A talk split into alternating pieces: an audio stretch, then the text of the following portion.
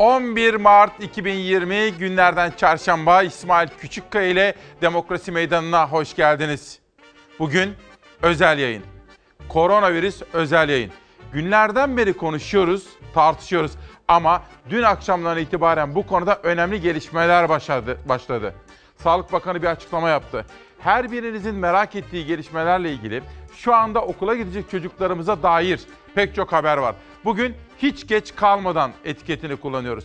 Bütün yayın boyunca koronavirüse ilişkin alınması gereken tedbirler, yapılan tartışmalar ve şu anda Sağlık Bakanlığı, Milli Eğitim Bakanlığı, Spor Bakanlığı arasındaki müzakereler. Her birini konuşacağım. Hemen gazete manşetleriyle haber yolculuğumuza başlıyoruz. Hiç geç kalmadan bugünkü manşetimiz işte budur efendim. Koronavirüs en önemli manşetlerden bir tanesi. Saat 10'a kadar pek çok haber ve dosyayla huzurlarınızda olacağız. Bu konuda bilgileneceğiz. Dünya böylesini görmedi diyor Hürriyet gazetesi. Koronavirüs 60 milyonluk İtalya'yı hayalet ülkeye çevirdi. Sokaklar boşaldı, insanlar evlerine kapandı. Kuzey Kıbrıs Türk Cumhuriyeti'nde bir otel karantinada. Ama bununla sınırlı değil. Aynı zamanda Türkiye'de bu konuyu çok yakından takip ediyor, takip etmeli. Okulların tatil edilip edilmemesi de şu anda masada.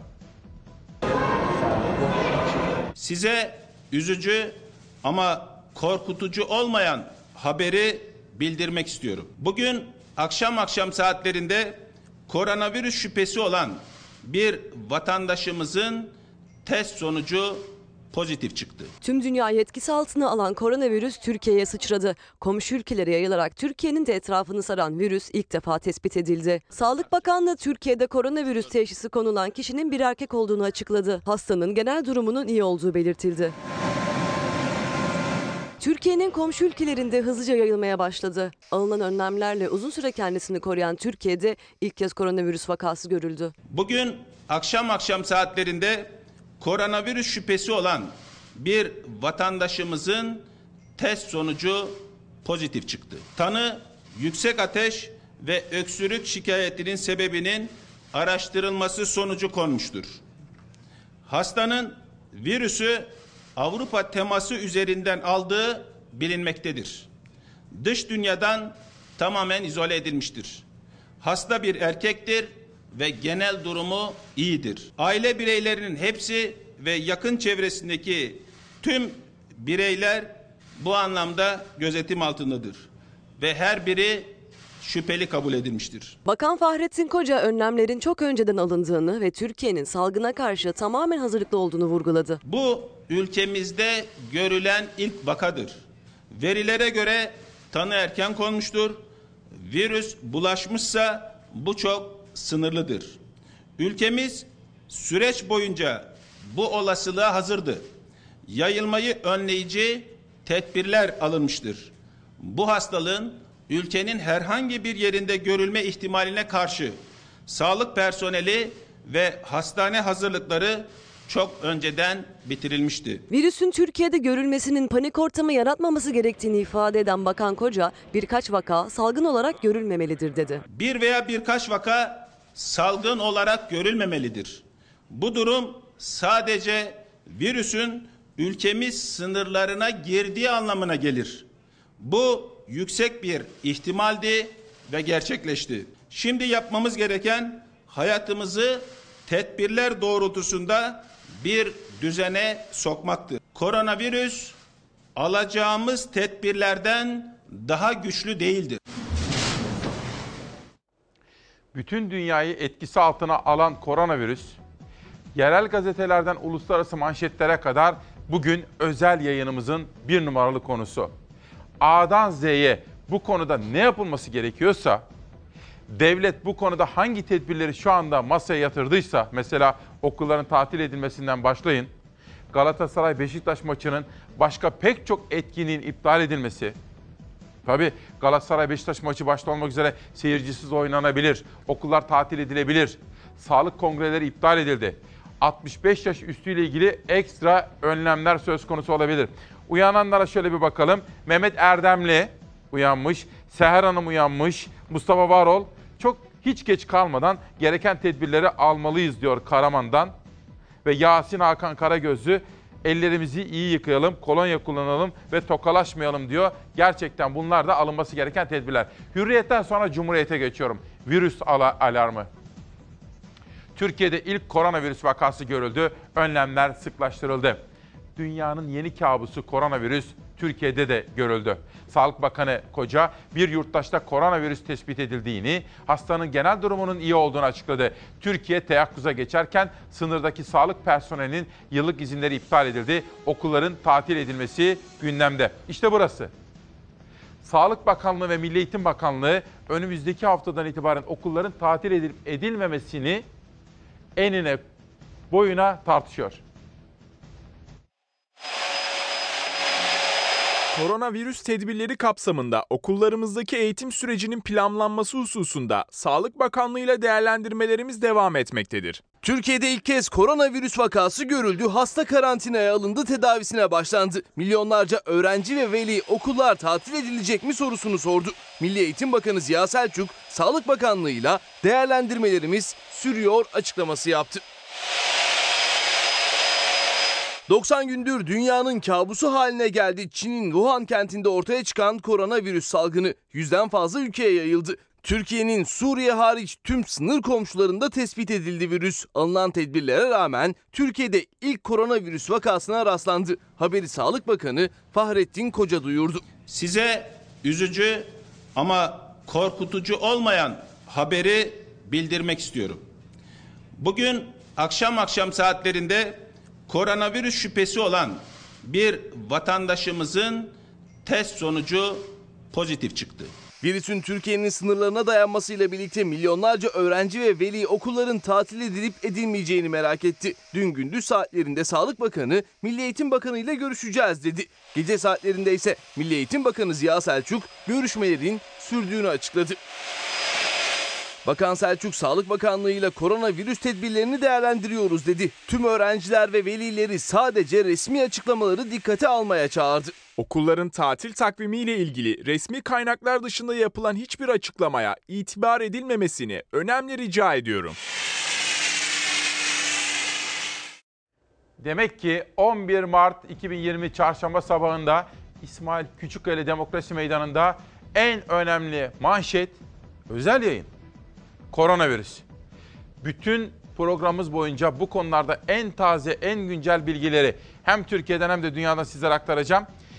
İstanbul'daki işini gücünü bırakıp da tarıma yönelen, üretime yönelen Mustafa Ezici Türkiye'mize üretim dolu, sağlık dolu günler diliyor diyor. Antalya'dan, Gazi Paşa'dan yolladığı mesajında Mustafa Ezici'ye teşekkür ediyorum efendim. Hiç geç kalmadan gereken tedbirleri alalım. Bugün işte en önemli manşet koronavirüs.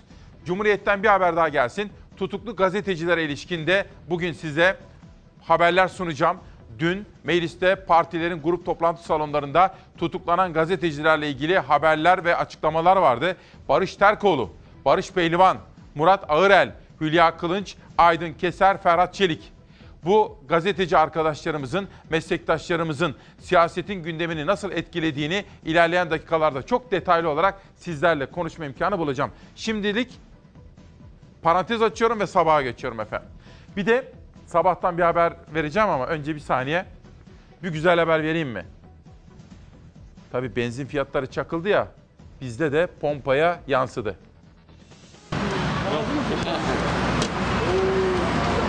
Beklenen indirim haberi geldi. Benzine 60, motorine 56 kuruş indirim gece yarısından itibaren uygulanmaya başladı. Motorinin litre fiyatı 6 liranın altına düştü.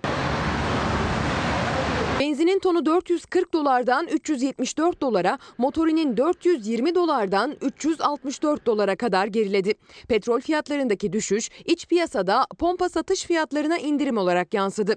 Enerji Petrol Gaz İkmal İstasyonları İşveren Sendikası'ndan alınan bilgiye göre söz konusu indirim motorinde pompa fiyatına ortalama 56 kuruş, benzinde ise 60 kuruş olarak yansıdı. Cumhurbaşkanı Recep Tayyip Erdoğan, Brüksel ziyareti dönüşünde yaptığı değerlendirmede benzin ve motorin fiyatlarında bu geceden itibaren indirim uygulanacak dedi.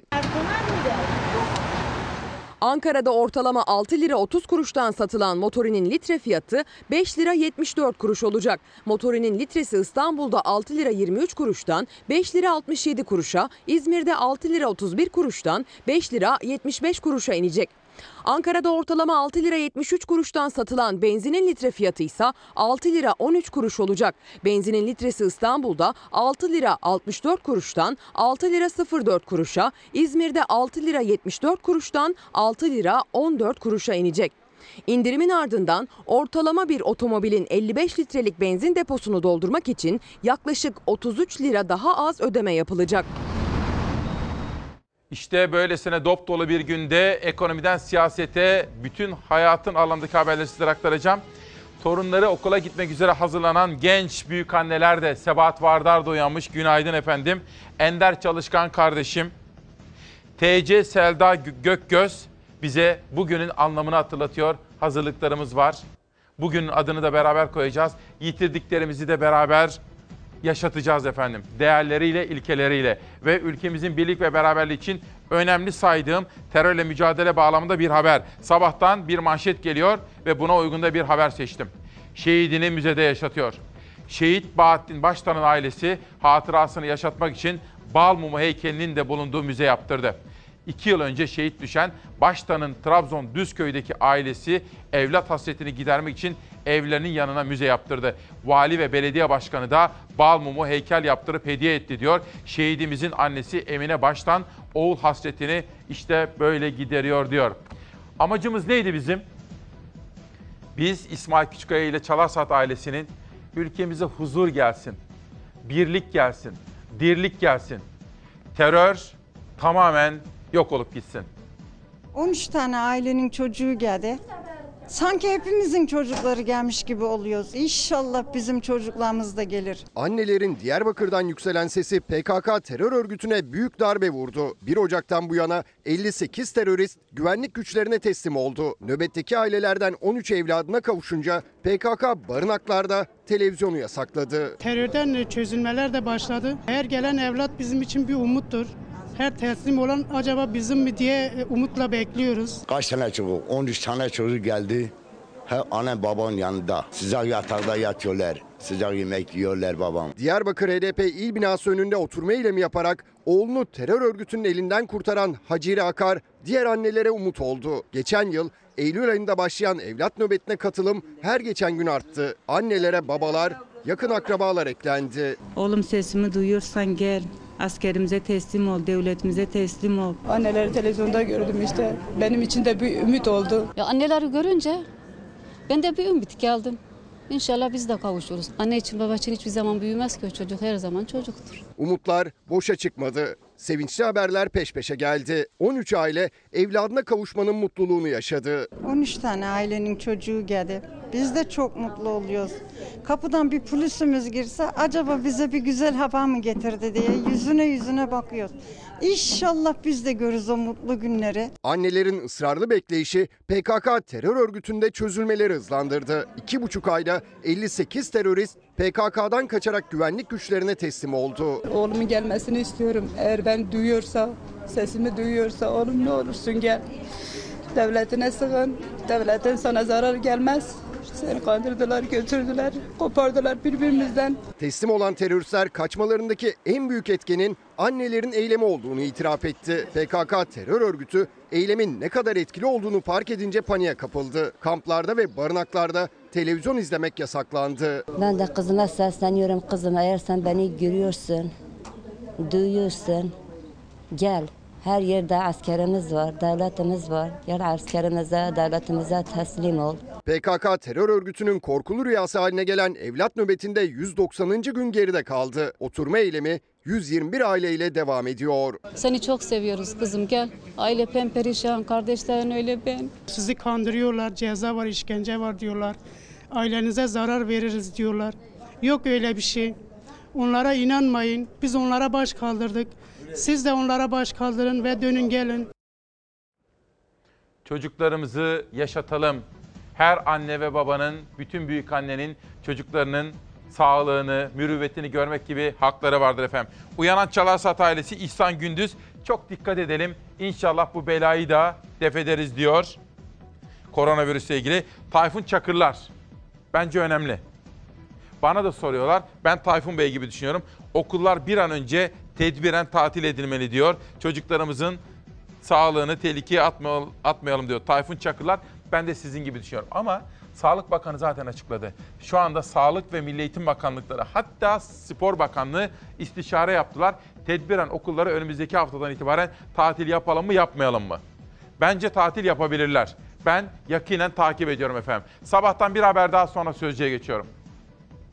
Yunan'ın sınırda yaptığı cinayet diyor Cumhurbaşkanı Erdoğan. Başkan Erdoğan, Yunanistan'ın mültecilere gaddarlığını resimleriyle Birleşmiş Milletler Genel Kurulu'na götüreceğiz dedi. Şimdi bugün bu konudaki haberleri de sizlerle paylaşacağım ama fotoğrafa dikkatinizi çekmek istiyorum. Cumhurbaşkanı bir konuda iyi bir örnek oluyor. Tokalaşmıyor. Hatta Türkiye'de de uğurlama, karşılama merasimlerinde, törenlerde veya Avrupa'da mesela NATO Genel Sekreteri ile Avrupalılarla buluşmalarında da efendim böyle. Lütfen. Ben de dün mesela dün akşam bugün kültür sanattan da bahsedeceğim. Nurgül Yeşilçay'dan bir mesaj var mesela bugün bir sergisi açılıyor. Dün akşam da iş sanata gittim. Orada tokalaşıyorlardı. Böyle yapmamız gerekiyor. Bugünlerde birbirimizin can ve canına ve sağlığına özen gösterelim ve tokalaşmayalım. Çünkü bu meret, bu mikrop ellerle geçiyor ve sık sık ellerimizde yıkamayı ihmal etmeyelim diyorum. Sabahtan geçelim Sözcü gazetesine. Sözcü'nün koronavirüs haberine biraz sonra geçeceğim. Şimdi siyasetin gündemi kapıda bekletme. Rus Devlet Televizyonu'nun çarpıtma amaçlı haberi Türkiye'yi gerdi.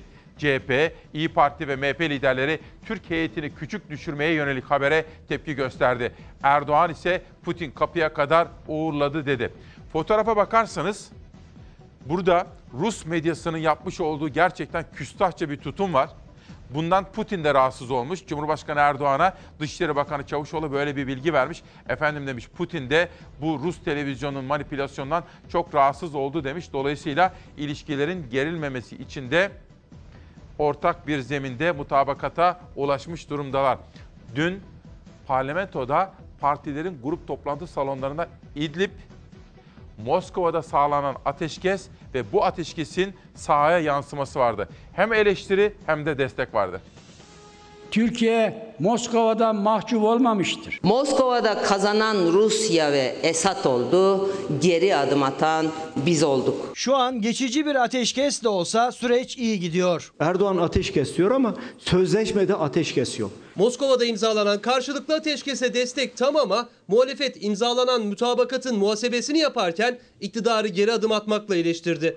Rus heyetin Ankara'da temasta olduğu dakikalarda İdlib'de gelinen nokta atılan adımlar siyasetin öncelikli gündemiydi. Büyük lokma ye ama büyük laf etme.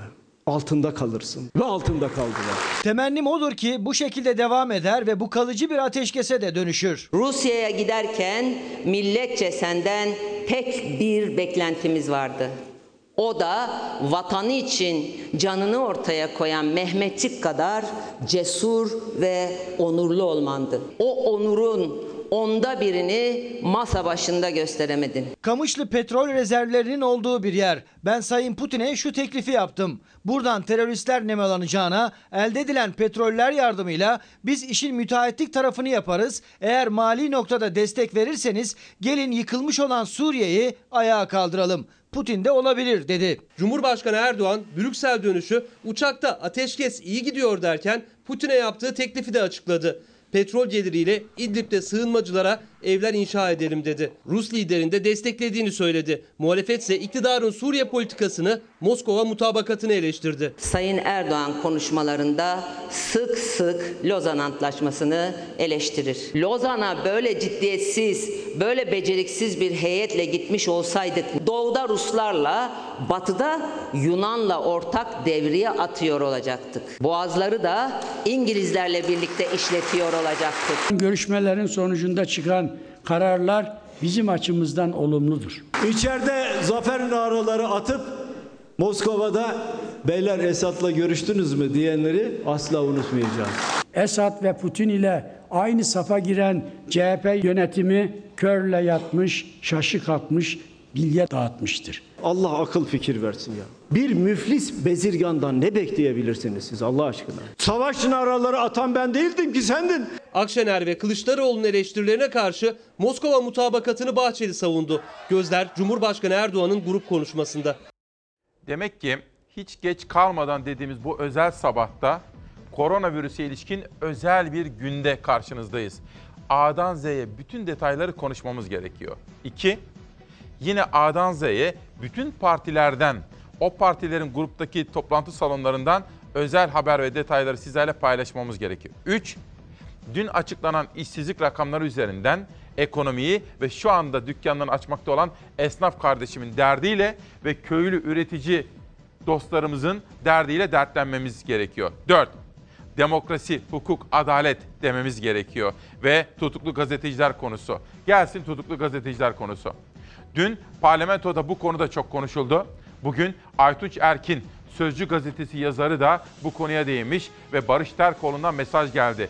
Hürriyet'in geleceği gün görüşmek üzere diyor. CHP'li Yüksel Kılınç'la Barış Terkoğlu'nun dostlarına ilettiği mesajı konuştuk. Acaba Barış Terkoğlu hangi mesajı verdi? Şunu söyleyeyim. 6 gazeteci arkadaşımız var geçen hafta tutuklanan. 6'sı ile ilgili haber ve mesajları sizlerle paylaşacağız. Çünkü şuna inanıyoruz. Bir gazetecinin tutuklanması siz halkın tutuklanmasıdır. 6 gazetecinin tutuklanması ve susturulması halkın susturulmasıdır. Bu 2020 yılı Türkiye'sine yakışmıyor. Dolayısıyla gazetecilerin sesini duymamız ve duyurmamız gerekiyor. Bu halkın çok sesli Türkiye bağlamında özlem ve adalete olan inancı açısından son derece önemlidir diyor ve sonraki manşet için sıradaki gazeteye geçiyorum. Bugün MHP'ye yakınlığı ile bilinen gazetede MHP lideri Devlet Bahçeli'nin sözlerini görüyorum. Türkiye yol geçen hanı değil diyor Sayın Bahçeli. MHP lideri Devlet Bahçeli Avrupa'yı uyardı. MHP lideri Bahçeli biz gerekirse ekmeğimizi bölüşür yeriz. Gerekirse ekmeğimizi bölüşür yeriz fakat aklımızla oynanmasına izin vermeyiz. Avrupa Birliği bir kez daha aldatmıştır dedi.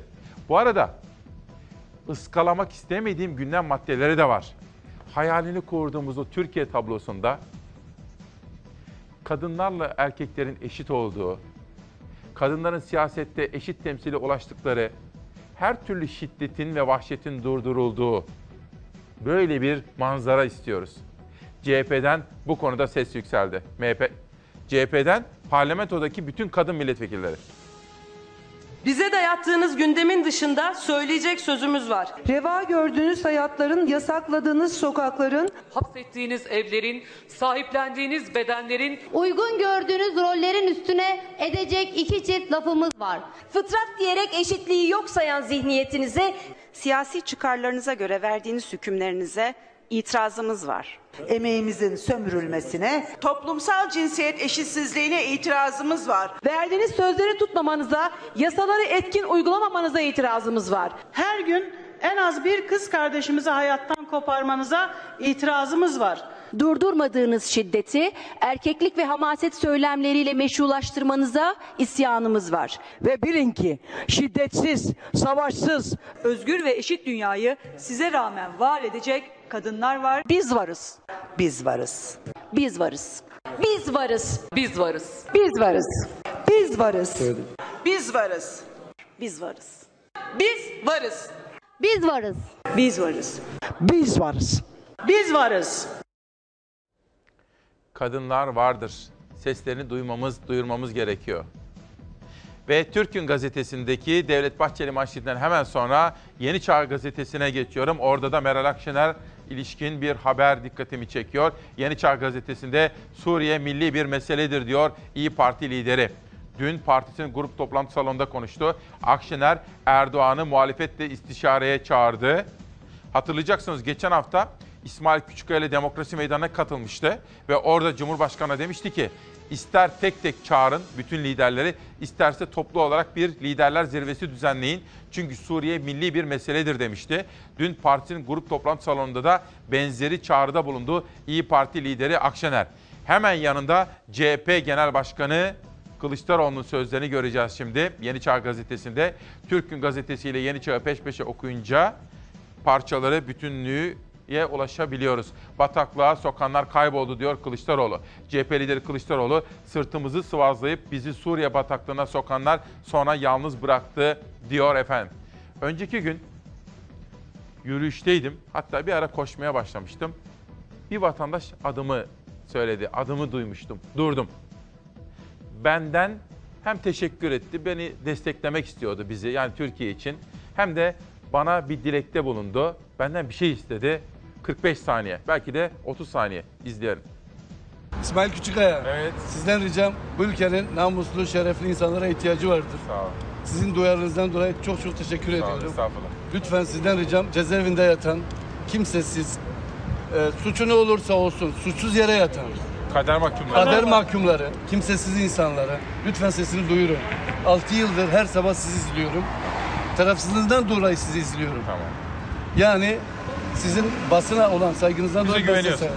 Kesinlikle tarafsıza Çok güveniyorum. teşekkür ederim. Adamsınız. Sağ olun, Eyvallah. teşekkür ederim. Şimdi bu arkadaşı daha sonra sordum. Hani cezaevindeki kardeşlerini düşünüyordu. Çok insan var dedi, kader mahkumları dedi.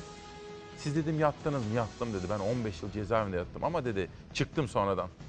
Adıyamanlı. Sordum nerelisin dedim Adıyamanlı. Ona bir söz vermiştim. Onun adına cezaevindekilere de bütün cezaevindeki kader mahkumlarına bir selam söylemek istedim. Yeni Çağ'dan sonra geçelim Pencere Gazetesi'ne. Özgür Suriye ordusu ile senin ne işin var?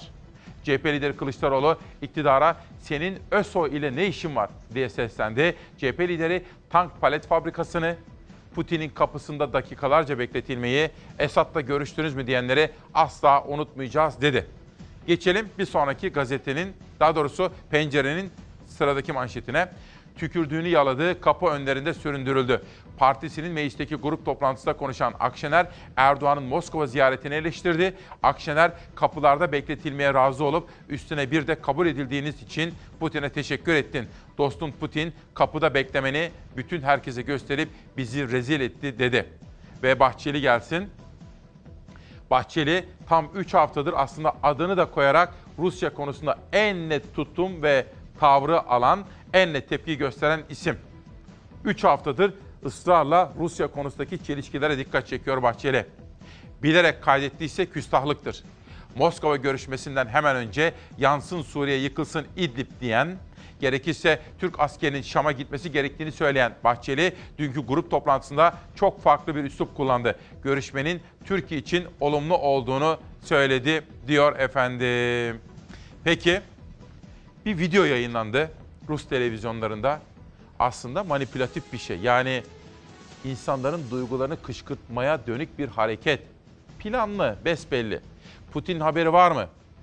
Rusya söz konusu ise orada Rusya'nın izni, onayı hatta talimatı olmadan böyle bir hareket yapılabilir mi? Ben hiç sanmam. 600 yıllık devletimizi kaybettik ama onurumuzu hiçbir kapıda bırakmadık. Rutin bir sürecin bile birilerince manipüle edilerek farklı noktalara çekilmeye çalışılması buradaki kötü niyeti gösteriyor. Bazıları da buralardan art niyetli çıkarımlar yapmaya çalışıyor. Moskova'daki zirveden sonra Rus Devlet Televizyonu'nda yer alan görüntüler için Akşener Cumhurbaşkanı'na yüklendi. Erdoğan Rus kanalına siyaset o görüntüleri konuştu. Cumhurbaşkanımız bir dakika beklediyse Putin de öbür tarafta bir dakika bekledi. Birisi havaya bakıyor. Birisi yana bakıyor. Birisi kravatıyla oynuyor. İçimi acıtıyor. Bunu asla kabul etmiyoruz. Türkiye Cumhurbaşkanı'na hakaret hepimize hakarettir. Dünyanın gözünü çevirdi Erdoğan Putin zirvesinden bir gün sonra Rus Devlet Televizyonu iki liderin buluşmalarına dair bir haber yayınladı. Erdoğan'ın Putin tarafından 2 dakika bekletildiğini iddia etti. Rus medyasının yaptığı saygısızlıktır. Hemen en ufacık bir görüş ayrılığında kara propaganda başlatıyorlar. O anlara tanıklık eden Dışişleri Bakanı Mevlüt Çavuşoğlu Rus televizyonunun maksatlı haber yaptığını, iki liderin de beklediğini söyledi. Akşener sertti. Cumhurbaşkanı da Brüksel dönüş konuştu. Dostum Putin kapı önünde bekleme görüntülerinizi Rus medyasına servis, servis edip hepimizi rezil etti. Onlar sana kapı önünde beklemeyi layık gördü.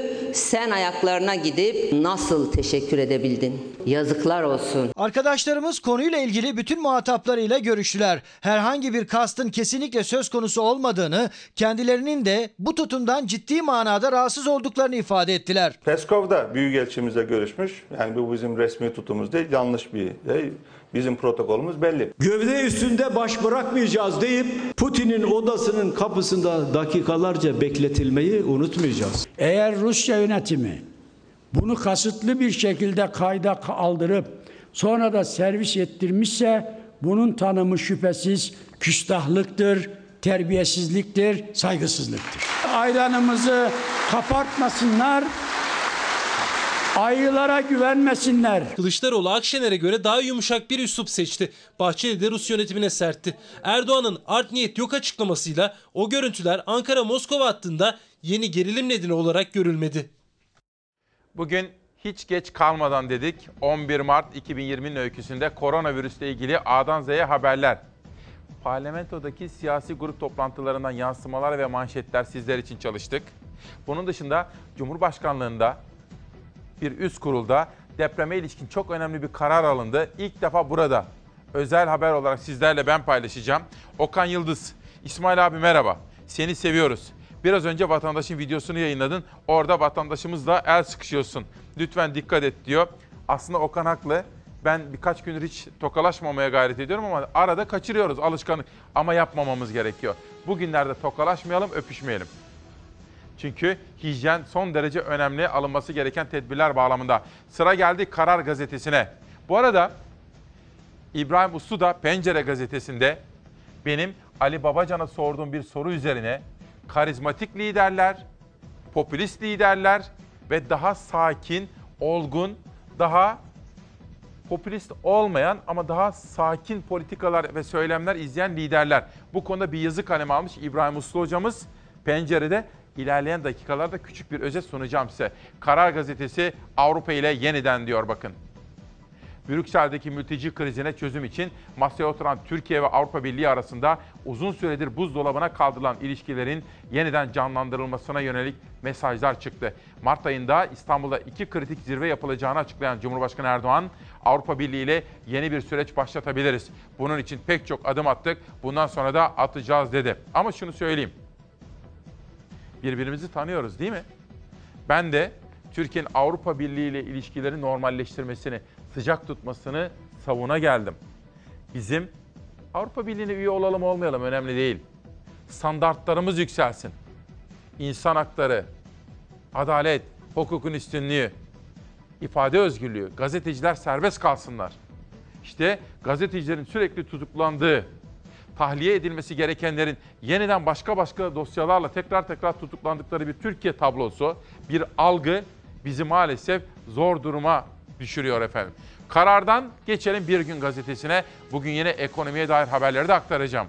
Bir Gün Gazetesi bakın bu rekor çok önemli demiş. İşsizlik yıllık bazda %13.7'ye çıktı. Bence Türkiye'nin bir numaralı sorunu bu.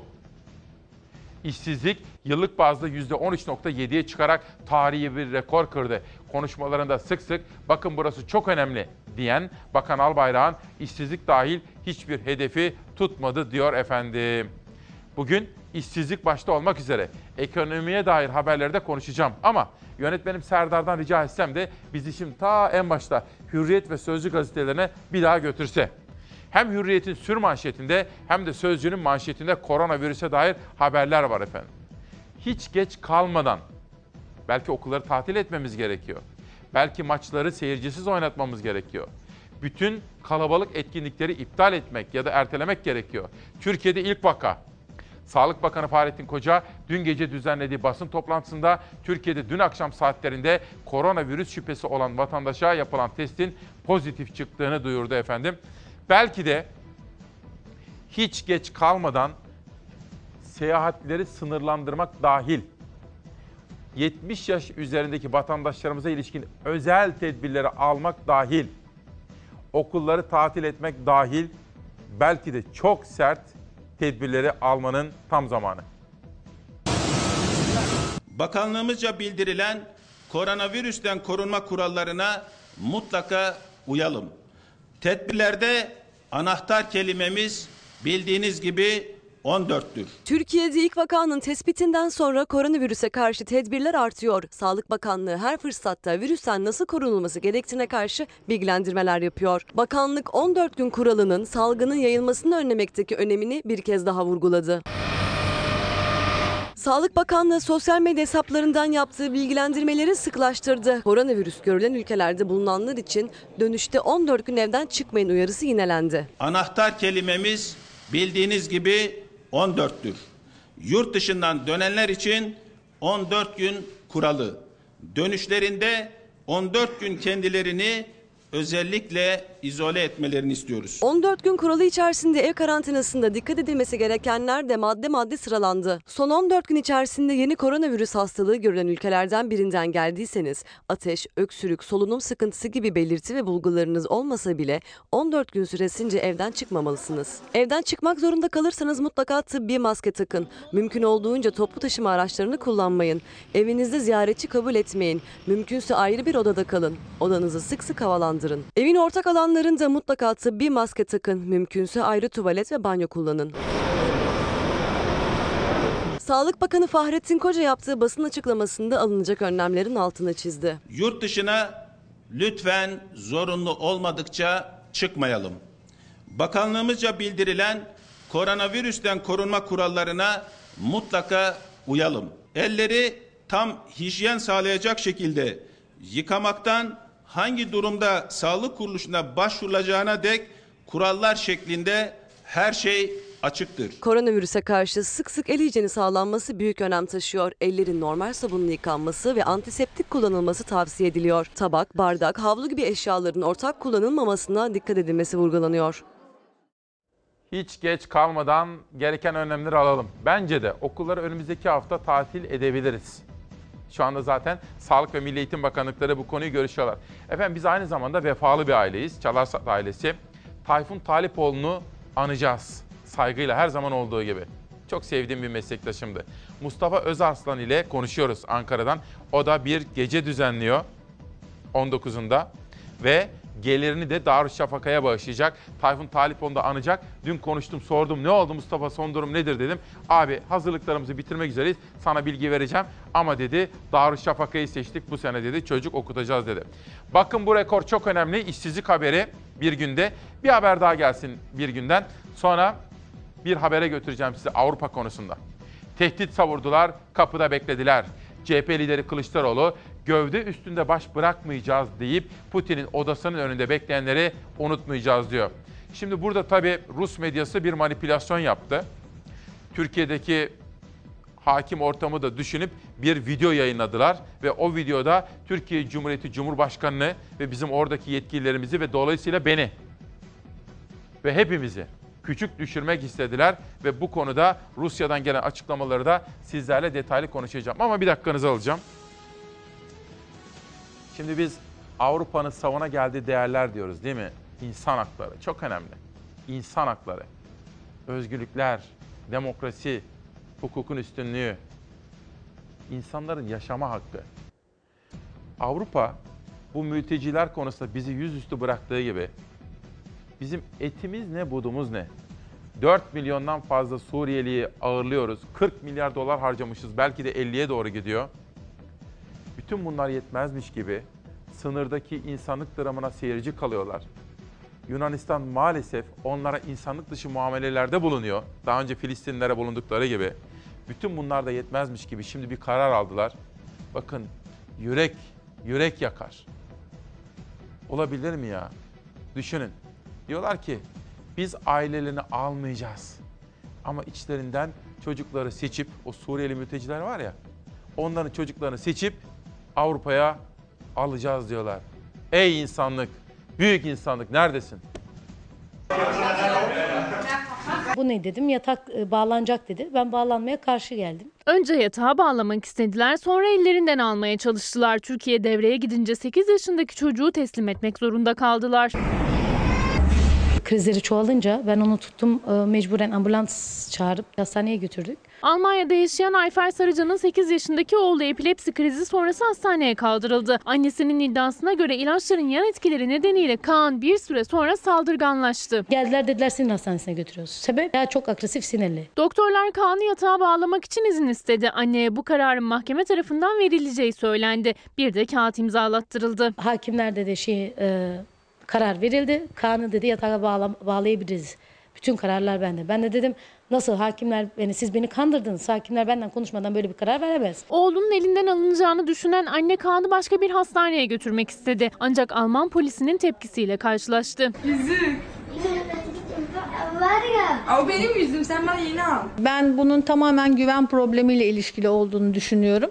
Hiçbir epilepsi hastasını bağlayarak tedavi etmiyoruz biz. Olay sosyal medyaya yansıyınca bir anda büyüdü. Devreye Cumhurbaşkanlığı, Dışişleri Bakanlığı ve Sağlık Bakanlığı girdi. Hemen Türkiye'ye getirilen Kaan, Samsun'da özel bir hastanede tedavi altına alındı. Bir çocuğumuzun dramı bu. Diğer haberi gördüğünüz zaman da çok etkileneceksiniz.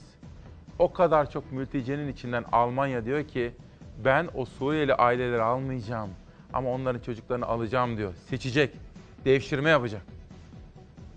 Olabilir mi böyle bir şey? İnsan veya bir toplum kendi savuna geldiği değerlerle bu kadar çelişkiye düşebilir mi? O haberi izleyeceksiniz ilerleyen dakikalarda. Bu arada efendim bugün tabii bizim bir görevimiz de çocuklarımızı yaşatmak ama yaşatamadığımız çocuklarımız veya büyüklerimiz de varsa onları hatırlatmak. Bugün Bir Gün Gazetesi'nde 11 Mart 2020. Adalet aramaktan bıkmayacağız. Berkin Elvan hayatını kaybedeli 6 yıl oldu.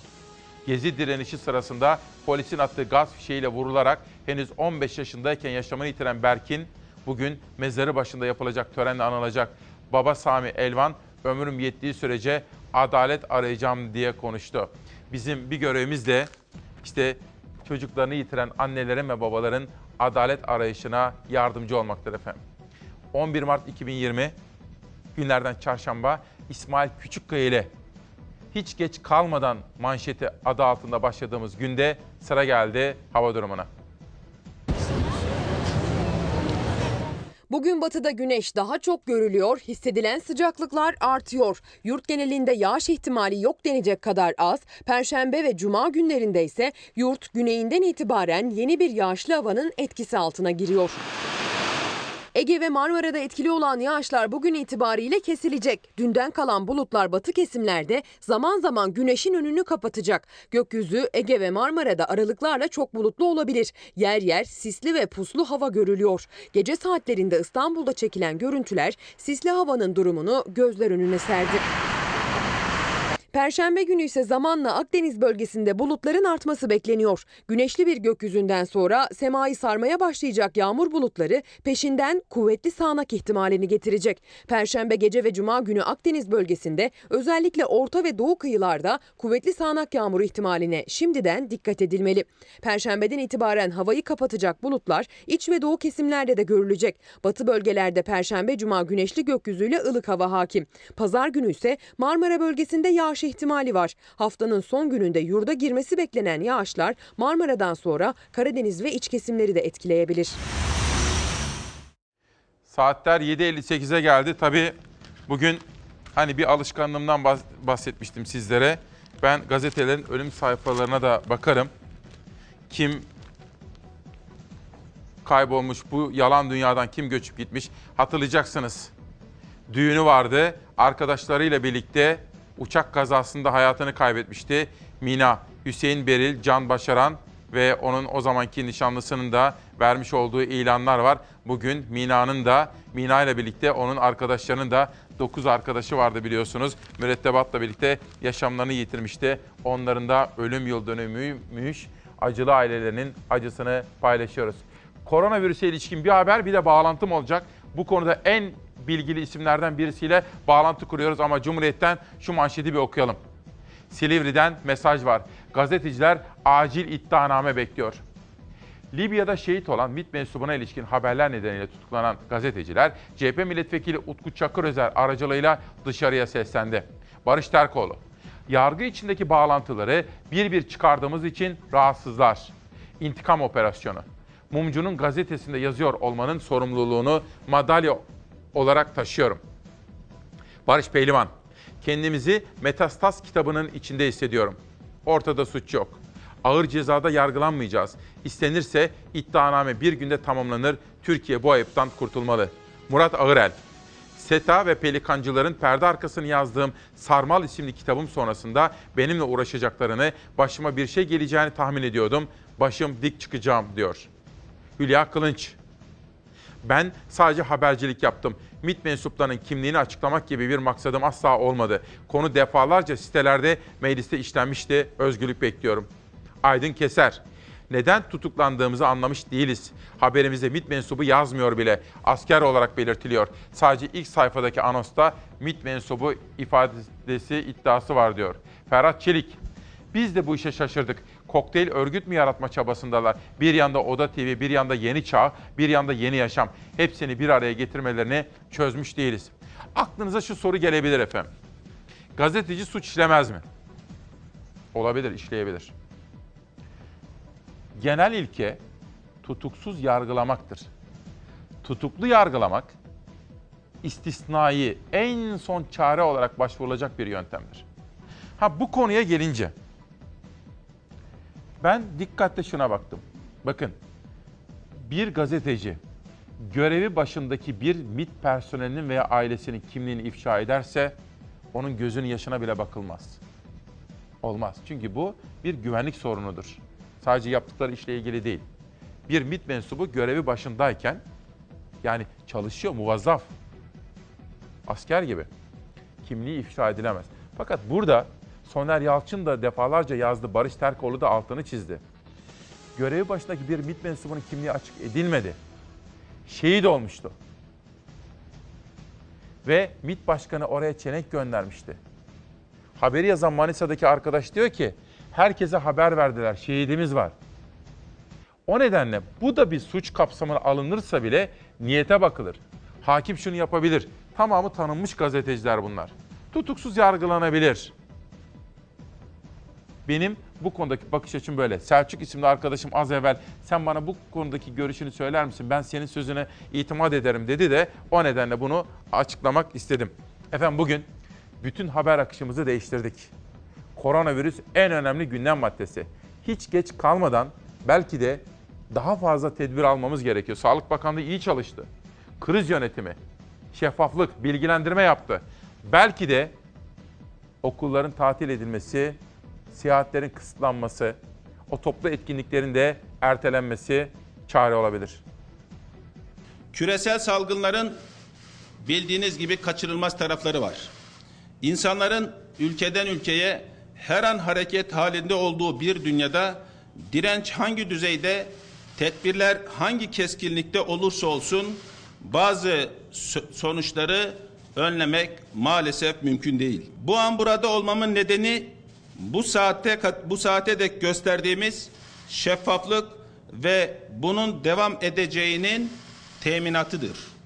Size üzücü ama korkutucu olmayan haberi bildirmek istiyorum.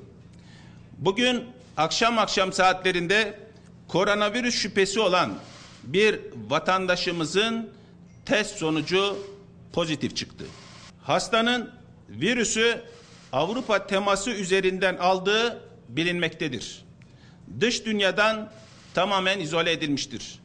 Hasta bir erkektir ve genel durumu iyidir.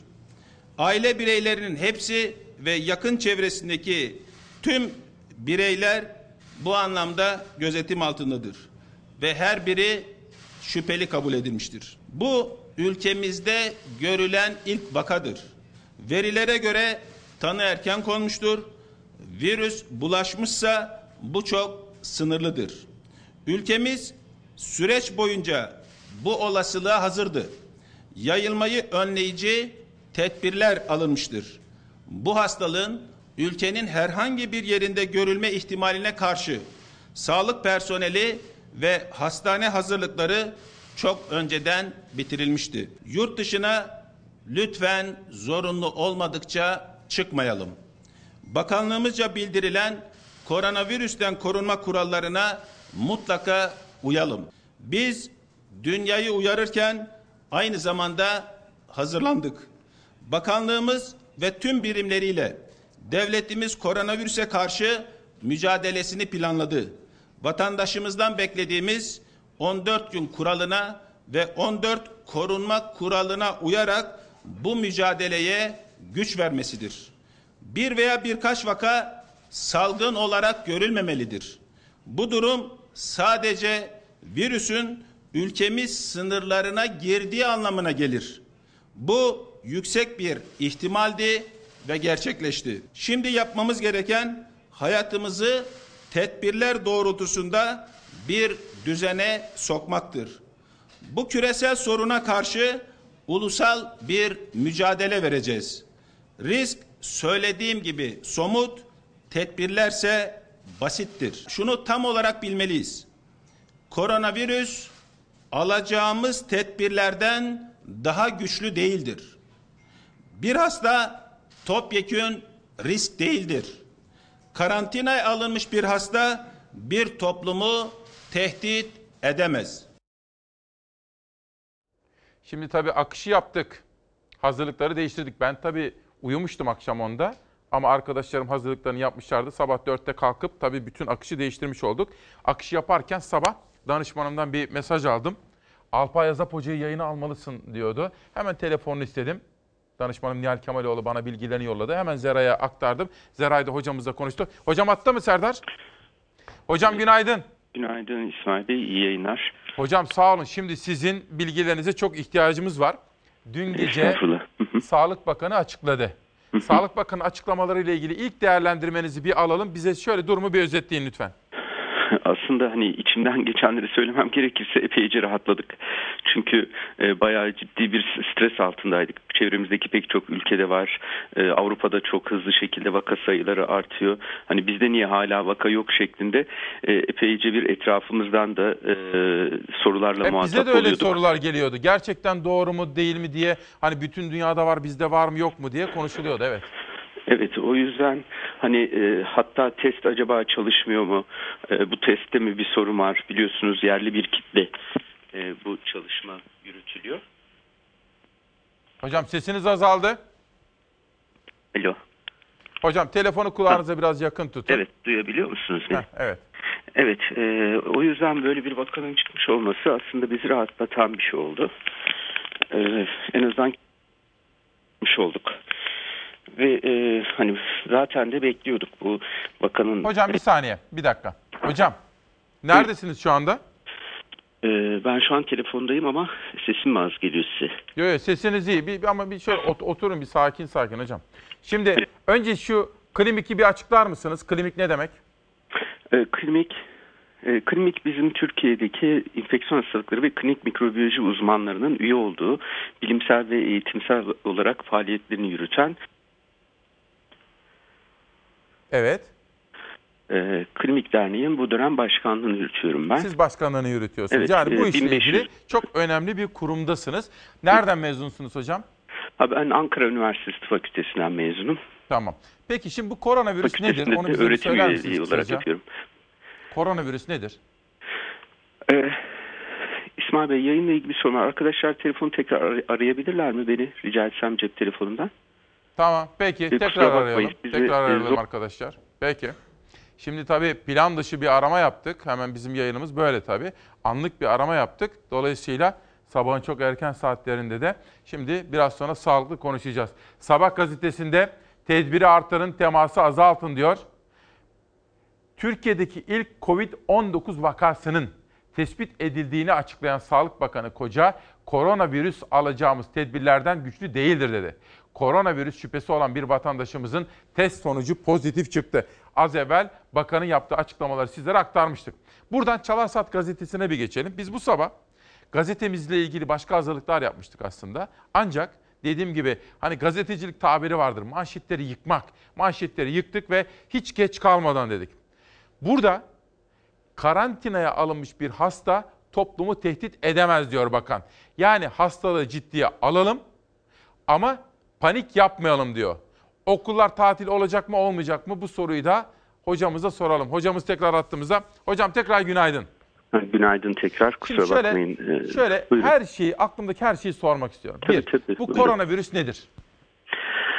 E, Bu koronavirüs aslında insanlarda da uzun yıllardır hastalık yapan e, ama daha çok e, hayvanlarda da farklı türleriyle olan dolaşan oldukça geniş bir virüs ailesinin genel ismi koronavirüs. Bunların farklı tipleri var.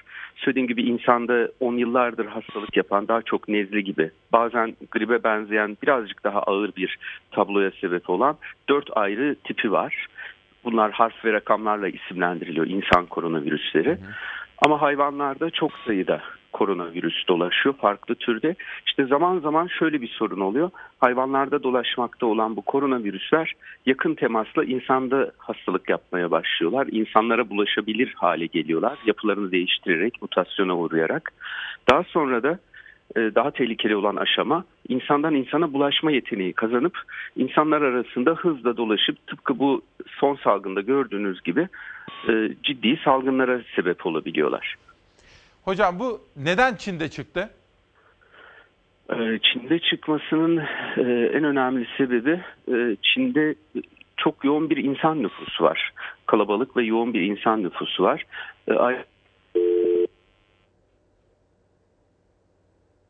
Evet hat, hattımız düştü galiba. Bir kere daha deneyelim arkadaşlar. Çünkü bunu anlamak istiyorum. Böyle A'dan Z'ye bütün soruları sorarak size bunu anlatmak istiyorum. Ben de anlamak istiyorum.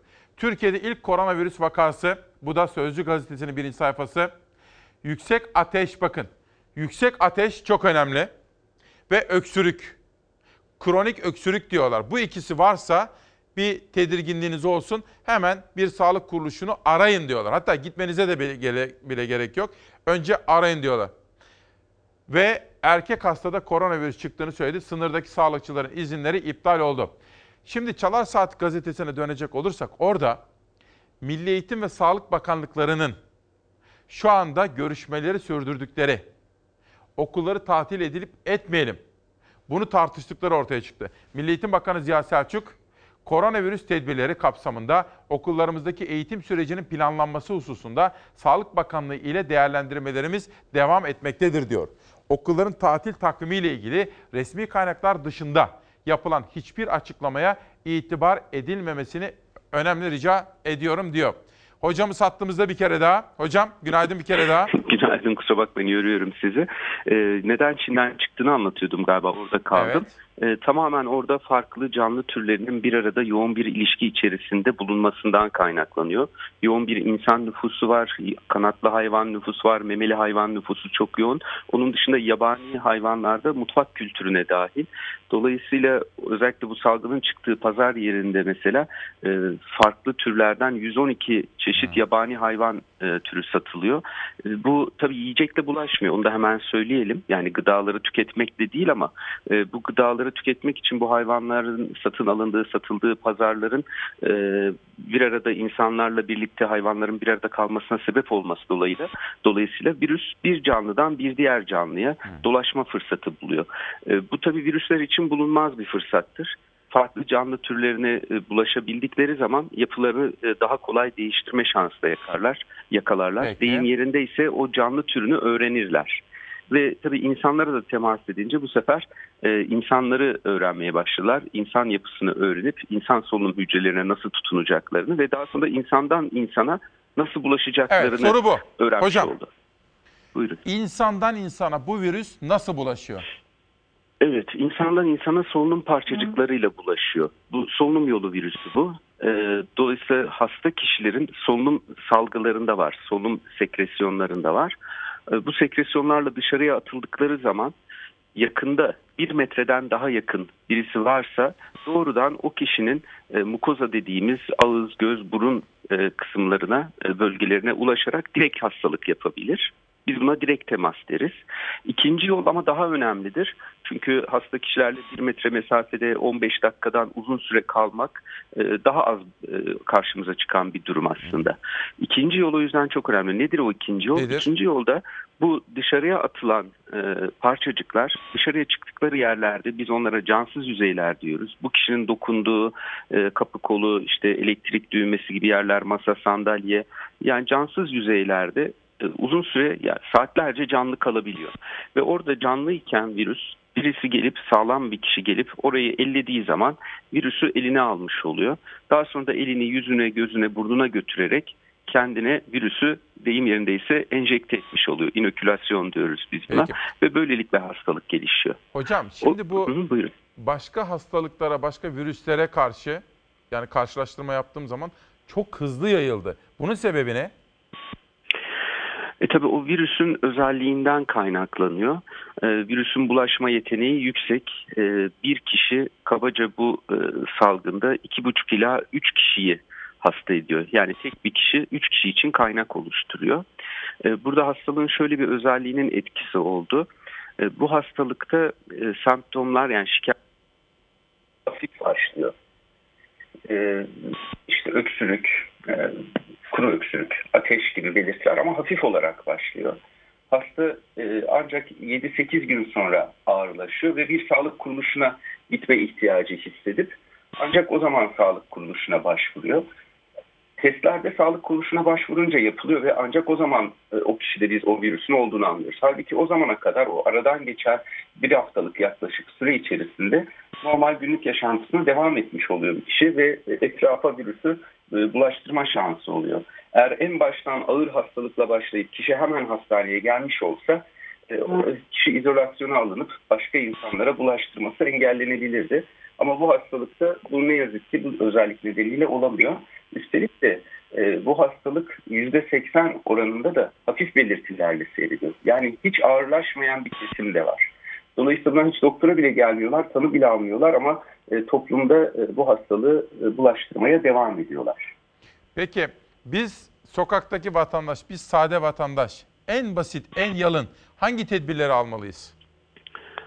Ben hemen üç tedbir öneriyorum. Bir, yanlış ve yalan bilgiden korunmaları gerekiyor. Salgın zamanlarında yalan, yanlış, eksik bilgiler hastalığın kendisinden daha tehlikelidir. Yanlış uygulamalar hastalığın yayılmasına sebep olur tam tersine. O yüzden lütfen e, bilimsel kurumları, bilimsel kuruluşları ne dediğini takip etsinler. Sağlık otoritelerinin ne dediğini takip etsinler.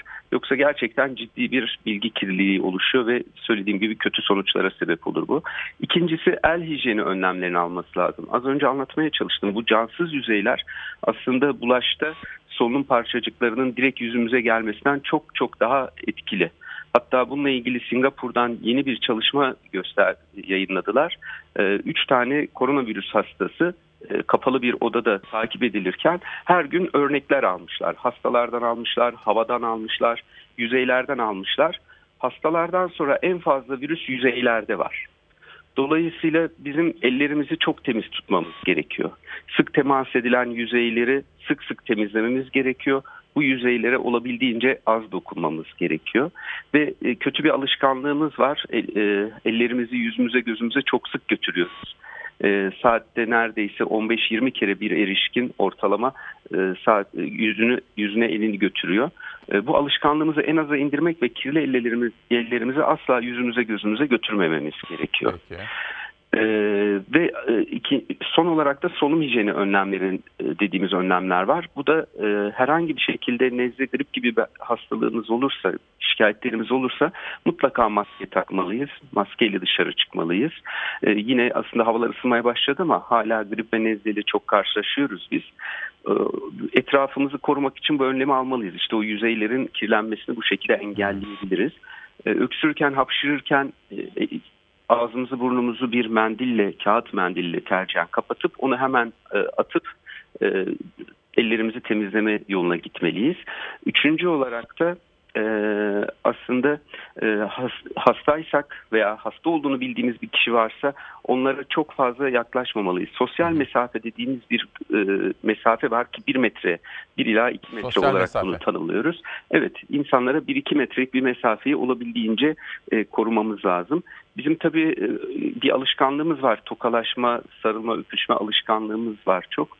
E, sevgimizi, saygımızı böyle ifade ediyoruz. En azından bu salgın dönemlerinde bu sevgi, saygımızı uzaktan ifade edip e, çok fayda var. Peki tokalaşmayacağız. Bir soru daha soracağım. Tabii. Dün buraya Türk Tabipler Birliği Başkanı Sayın Sinan Adıyaman geldi. O da altını çizdi. Böyle hem sakin sakin bilgileri verdi, bilimsel bilgileri. Hem de aslında Sağlık Bakanlığı'nın bu konuda böyle sakin sakin bilgilendirme yapmasının altını çizdi. Şimdi şu anda Sağlık Bakanlığı ile Milli Eğitim Bakanı okulların tatil edilip edilmemesi gerektiğini konuşuyor. Bu konuda bir fikriniz ya da bir yorumunuz olur mu? Şimdi şunu söyleyeyim. Bu hastalık çocuklarda e, ağır seyret. Evet, tam en iyi soruda. Şimdi muhtemelen hoca konuşurken hani bazen olur ya böyle bir yere değiyor. Bir daha bağlayın arkadaşlar rica edeceğim. Çünkü tam okullarla ilgili. Efendim bugün de yine size kitaplar tanıtacağım. Tolga Aydoğan, Atatürk'ün izindekiler. bir kapsamlı çalışma yazmış. Bana da imzalayarak yollamış. Cumhuriyet'in unutulan kahramanları diyor. Dün akşam İş Sanat'ta bir konser vardı ve gerçekten dünya çapında bir piyano sanatçısının konserini izledi. İş Sanat'taki konsere gidenler.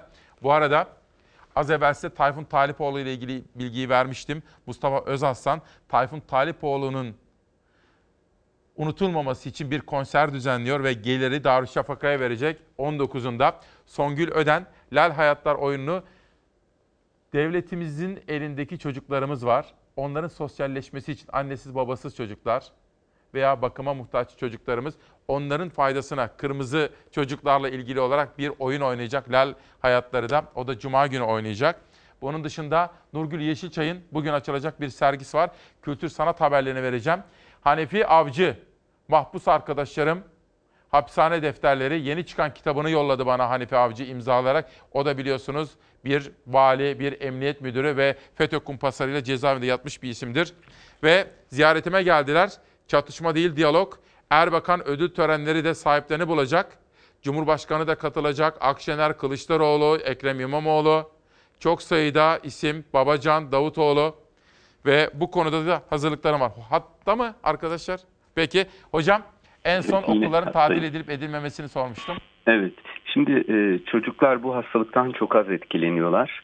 E, bu virüsün en sevdiğimiz yanı bu. E, çocuklara çok dokunmuyor. Çok hafif belirtilerle geçirebiliyorlar. E, ağır seyir, seyir söz konusu değil. 10 yaş altındaki çocuklarda hiç ölüm oranı yok mesela.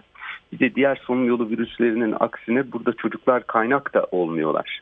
Nezle, grip gibi e, sıradan solunum yolu enfeksiyonlarında çocuklar odak olurlar genellikle. Anne babalar bilir e, kreşten okuldan hastalığı getirir çocuk evdekileri hasta eder. E, bu virüste öyle bir durumda söz konusu değil. Çocuklar genellikle erişkinlerden alıyor bu virüsü. O yüzden çocuklar için bir kere çok endişelenmeyelim. 20 yaş altındaki ölüm oranı e, grip virüsüne çok benzer. E, şimdiye kadarki on binlerce vaka üzerinden Yaşı öğrendiğimiz büyükler için bilgi bu. tehlike var değil mi hocam? Evet, burada en en riskli grup aslında ileri yaştaki kişiler. E, 50 yaşın üstünden itibaren e, risk artmaya başlıyor. Her yaş yaklaşık %10 kadar ağır seyretme riskini arttırıyor.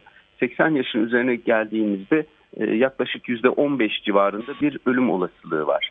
O yüzden genellikle yoğun bakıma yatacak kadar ağırlaşanlar ya ileri yaştaki kişiler ya da genç bile olsa altta yatan kalp akciğer hastalığı, hipertansiyon, bağışıklık yetmezliği gibi hastalığı olanlar. Bu anlamda da ciddi bir paniğe gerek yok. Aslında genç sağlıklı erişkinler ve çocuklarda bu hastalık hafif seyrediyor zaten. Evet. Bir şey soracağım Okulların hocam. kapan... An- anneniz nerede yaşıyor? annem annem benim Antakya'da yaşıyor. Antakya'da. Evet. Kaç yaşında? 76. Mesela annenize ne diyorsunuz? Böyle aradığınızda hani her gün arıyoruz annelerimizi. Ne, ne tavsiye Evet. ediyorsunuz? Ee, kalabalık yerlere çok fazla girmemesini, elini sık sık temizlemesini tavsiye ediyorum. Yanında bir küçük şişe kolonya taşıyor benim tavsiyemle. Güzel, güzel. Elini e, yıkama fırsatı bulamadığı yerde elini o kolonyayla ovalayarak e, temizliyor ve temiz olmayan ellerinde kesinlikle ağzına yüzüne e, götürmemesi konusunda e, her gün tembihliyorum aslında. Süper. Hayırlı evlat. Ama hiç Annenizin adı olun, ne? hiç- Emira. Buradan saygıyla selamlıyoruz annemizi. Çok sağ olun. Son sözünüzü Teşekkür alabilir miyim? Buyurun. Ee, lütfen panik olmayalım. Maskeye geleceğim hemen. Lütfen. Ee, Hani ülkemize geldi bu etrafımızda bir sürü koronavirüs hastası var anlamına gelmiyor. Muhtemelen başka odaklarda vardır bu hastalık. Öyle tahmin ediyoruz. Hani bir tanesini yakalamış olduk ama çok sınırlı sayıda ve e, az kişiyi etkilemiştir diye düşünüyoruz. E, o yüzden zaten böyle olmadan önce de diyorduk maske takmaya gerek yok. Sağlıklı kişilerin maske takarak gezmesine dışarıda gerek yok. Çok özel durumlarda özel kişilere biz maskeyi önereceğiz. Maskeleri lütfen sağlık çalışanlarına bırakalım. Çok Ee, sağlık çalışanlarına ihtiyaç olacak.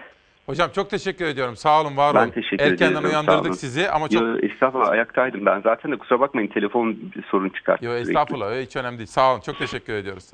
İyi yayınlar Şimdi diliyorum. sosyal medya manşetleriyle gündeme bakmaya devam edeceğiz. 11 Mart 2020 İsmail Küçükkaya ile Demokrasi Meydanı'ndasınız. Bugün özel yayın koronavirüse ilişkin başkaca haberler, hazırlıklar, dosyalarım da var efendim. Ben de anneme öyle diyorum. Her gün aradığım zaman anne AVM'lere gitmek yok, kalabalık yerlere gitmek yok diyorum. Mümkün olduğunca annelerimizi, yaşı ileri olmuş annelerimizi ve büyüklerimizi böyle korumamız gerekiyor efendim. Göçmek ne garip şey anne. Filiz Yavuz, gidenlerin hikayesi, yeni çıkan ve bana da imzalı gelen bir kitap. Göçmek ne garip şey anne diyor. Ve zeytinlikten sofraya zeytinyağının hikayesi Zeynep Delen Nircan'ın çevirisiyle efendim. Ve sosyal medya manşetleriyle günün manşetlerini, günün gündemini konuşmaya başlayalım. Bakalım neler var başka, hangi gündem maddeleri. Mustafa Varank'tan bir açıklama. Ülkedeki 11 bin LPG ve 13 bin akaryakıt istasyonundaki 290 bin pompa ile 25 bine yakın kantarın periyodik muayenesi 2 yıl içinde yapılacak dedi. Bu da çok esnafı çok ilgilendiren haberlerden biriydi. İşsizlik verileri açıklandı. Genç işsizler ordusu büyüyor. Türkiye'nin bence en büyük problemi bu. Çocuklarımıza iş bulamamak. Dün Trabzon'daydı. Bir arkadaşım vardı. Orada bir toplantıya katılmıştı. Bin genç vardı. Sordum nasıl? Hayali olmayan gençlerimiz dedi bana. Detaya girmeyeceğim. Kim oldu belli olmasın. Hayali olmayan gençler. Çocuklarımızın ahı gitmiş vahı kalmış dedi. O kadar üzüldük ki. Böyle olamaz. Umutlanmamız gerekiyor. Bunun için de çocuklarımıza iyi eğitim ve iş imkanları sağlamak zorundayız. Bu böyle gitmez. Mafi İlmez, geniş işsizlik %20'nin üzerine çıktı diyor ve Mafi Hoca bize analizler yapmış rakamlarla donattığı yazısında. Geniş işsizlik %20. Soner Yalçın, FETÖ dünyada Türkiye'yi basın özgürlüğü olmayan ülke olarak gösteriyor. Dilinde sürekli hapisteki gazeteciler lafı var. Yaptıklarının üzerini böyle kapatıyor. İşte bu propagandaya katkı sunmak isteyen kripto yandaşlar barışları hapse attırıp Oda TV'yi kapattırdı. Soner Yalçın'ın bu yaklaşımına Fatih Yaşlı eleştiri getiriyor. Aynen böyle oldu diyor ironi yaparak. Yoksa iktidarın hiç suçu yok. Olaylar Cumhurbaşkanı'nın bilgisi dışında gelişiyor. Danışmanlar kendisini yanıltıyor. Bilse kesin engellerdi. Bir gülücük koymuş, ironi yapıyor. Yani aslında bir gün ekibinde de bu vardı. Fatih Yaşlı da şunu söylüyor. Hani Cumhurbaşkanı'nın bilgisi ve onayı olmadan büyük herhangi bir iş, karar alınabilir mi, eylem yapılabilir mi? diye bir sorgulama yapıyor Fatih Yaşlı. Hatırlayacaksınız Bir Gün Gazetesi dün böyle bir manşet atmıştı. İsmail Saymaz, Gelecek Partisi lideri Davutoğlu'nun Konya'da il binasının açılış töreni sırasında Selçuklu Belediyesi tarafından alana çöp kamyonu çekildi. Hadim'de ise Davutoğlu'na konuşma kürsüsü kurdurulmadı. Eski başbakan kendi memleketinde bu engellemeyi yaşıyorsa başkaları neler yaşar diye soruyor İsmail Saymaz. Sorduruyor. Bu arada İsmail Saymaz'la dün konuştum davetiyesini de yolladı. İsmail Saymaz arkadaşımız Nisan'ın 5'inde dünya evine giriyor efendim. Onu da yeri gelmişken aklıma geldi. Söylemek isterim. Mutluluklar diliyorum şimdiden. İyi Parti lideri Akşener Moskova protokolü ile Esad yerini korudu. Bir metre bile çekilmedi. 30 kilometrelik güvenli bölge 12 kilometrelik güvenli koridora dönüştü. İktidar tükürdüğünü yaladı, ettiği sözleri unuttu, kapı önlerinde süründürüldü dedi. Geçelim, geçelim. MHP lideri Bahçeli ümit edelim ki kronometreli malum video yani Erdoğan'ı ve beraberindekileri bekleten o video kasıtlı, maksatlı şekilde hazırlanmamış olsun diyor. Burada Rus medyası büyük bir kumpas aslında bir algı operasyonuna imza atmış durumda efendim. Peki ne yapıyoruz şimdi arkadaşlar? Peki, evet ya da Peki Bahçeli'ye ver. Moskova'da Türk heyetinin ayakta bekletilmesini eleştirip heyetlerin arkasındaki heykellerden mucizevi anlamlar çıkardılar. Aslında Türkiye zora girdikçe sevinçten duramıyorlar. Gülmelerini de saklayamıyorlar. CHP'liler hezeyanlarını gelsinler bir zahmet külahımızı anlatsınlar. Bu arada dün medyaya düşen bir videonun da peşine düştüler. İddia odur ki Rus Devlet Televizyonu Cumhurbaşkanı ile birlikte heyetinin Putin'in kapısında bekleme anılarını kronometreyle kayda alıp yayınlamış. Bu da gündem olmuştur. Zirve toplantılarında benzeri tablolara veya protokol kazalarına istem ve irade dışı elbette tesadüf edilebilecektir. Eğer Rusya yönetimi bunu kasıtlı bir şekilde kayda aldırıp sonra da servis ettirmişse bunun tanımı şüphesiz küstahlıktır, terbiyesizliktir, saygısızlıktır. Bir alçaklık varsa derhal hemen tavziye hem de telafi edilmelidir. Ümit ederiz ki malum video maksatlı şekilde hazırlanmış olmasın. Türkiye Cumhurbaşkanı'na hakaret hepimize hakarettir. Muasım zihniyetler aklını başına alsın. Bizim kültürümüzde ata arpa, yiğide pilav, vatana da can verilir. Dünün fotoğrafı seçtim. Onu da Savaş Yıldız'a dedim ki Savaş bak bugünün fotoğrafı bunu böyle kocaman verelim. Tamam abi dedi. Şimdi önce sizlerden bir mesaj. Olgun Oktay Demircan. Sevgili İsmail Manisa'da Türkiye çapında bir ilk. Engelleyen saygı otobüslerden sadece bir gidiş bir geliş hakkı verildi. Ücretsiz olarak ne demek olduğunu anlamadım tam olarak ama cümleyi biraz daha düzgün yazıp yollarsanız çok sevinirim. Bu arada tiyatrolardan haberler veriyordum ya sizlere. Sumru Yavrucuk. O da tiyatro aşkına. Şimdi Ham Tiyatro, az evvel sizlere 4-5 ayrı kültürel etkinlikten bahsetmiştim. Bizim İlkem Şahin var. O da ben de dedi elimi taşın altına koyuyorum. Bir tiyatro işine girdi. Sevindim. Çünkü tiyatroların çoğalması gerekiyor. Han Tiyatro'da 16 Mart'ta Sumru Yavrucuğun tek kişilik oyunuyla açılıyor. Ben de o oyuna gidip gözlemlerimi sizlerle paylaşacağım efendim. İstiyorum ki kültür ve sanattan çokça haberler verebilelim sizlere. Anadolu Gazetesi ile başlıyorum. Eskişehir. Jandarma ekipleri kırsalda nefes aldırmadı. Suçlulara geçit yok. İl Jandarma Komutanlığı'nca 10 günlük süre içinde gerçekleştirilen operasyonel faaliyetler sonucu birçoğu suç üstü olmak üzere çeşitli suçlardan 29 şüpheli yakalandı diyor. Çanakkale Boğaz geliyor. 18 Mart'a yaklaşıyoruz. Çanakkale Zaferi'nin 105. yılı 18 Mart hafta sonu doğru giderken bakın o şanlı tarihimizin şanlı sayfasından bir geçit. Hakimiyet nerededir? Mersin. Çevre için projelerden vazgeçilsin. Merçet üyelerinden Mersin'deki bazı projelerin iptal için imza kampanyası düzenlendi. Bunların başında da Akkuyu Nükleer Santrali, Karaduvar, Polipropilen tesisi gibi tesislerden bahsediliyor.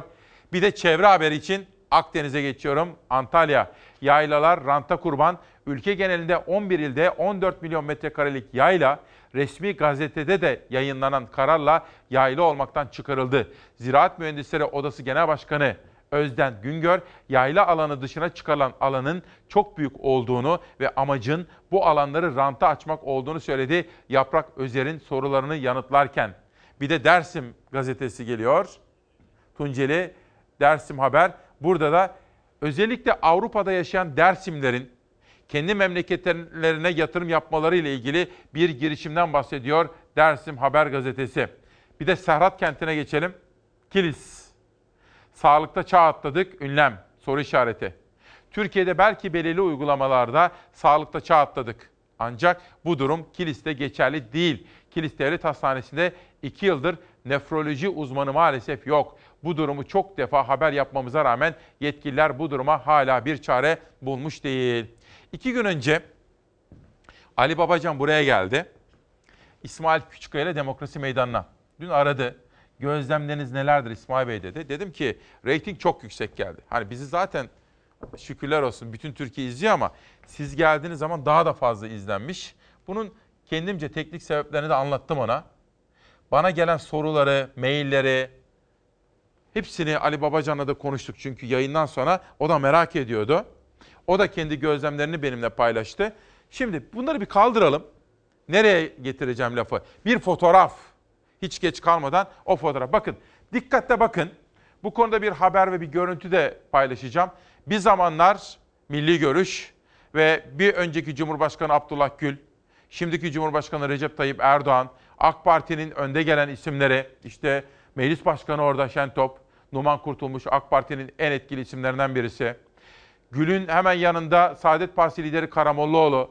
Recai Bey bakın ilerleyen yaşına rağmen cenaze merasimine katıldı. Ve orada Ahmet Davutoğlu var. Biraz daha ileride bakınız. Peki o zaman hem kazana Allah'tan rahmet dileyelim hem de bu tarihi fotoğrafı görelim.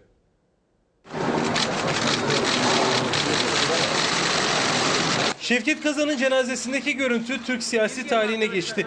2000'li yıllara kadar birlikte yürüyenler, AK Parti ile yeni bir yola girenler ve son dönemde AK Parti içinden doğan yeni partilerle yola devam edenler. Eski yol arkadaşları küskünler aynı karedeydi. Milli görüşün önemli isimlerinden eski Adalet Bakanı Şevket Kazan hayatını kaybetti. Meral Akşener de Hacı Bayram Veli Camii'ndeydi.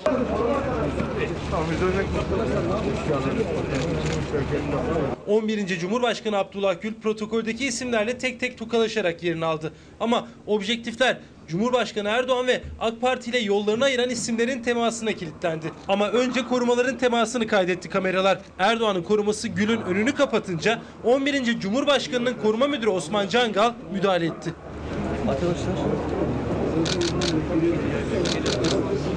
Erdoğan koronavirüs önlemini cenazede de sürdürdü.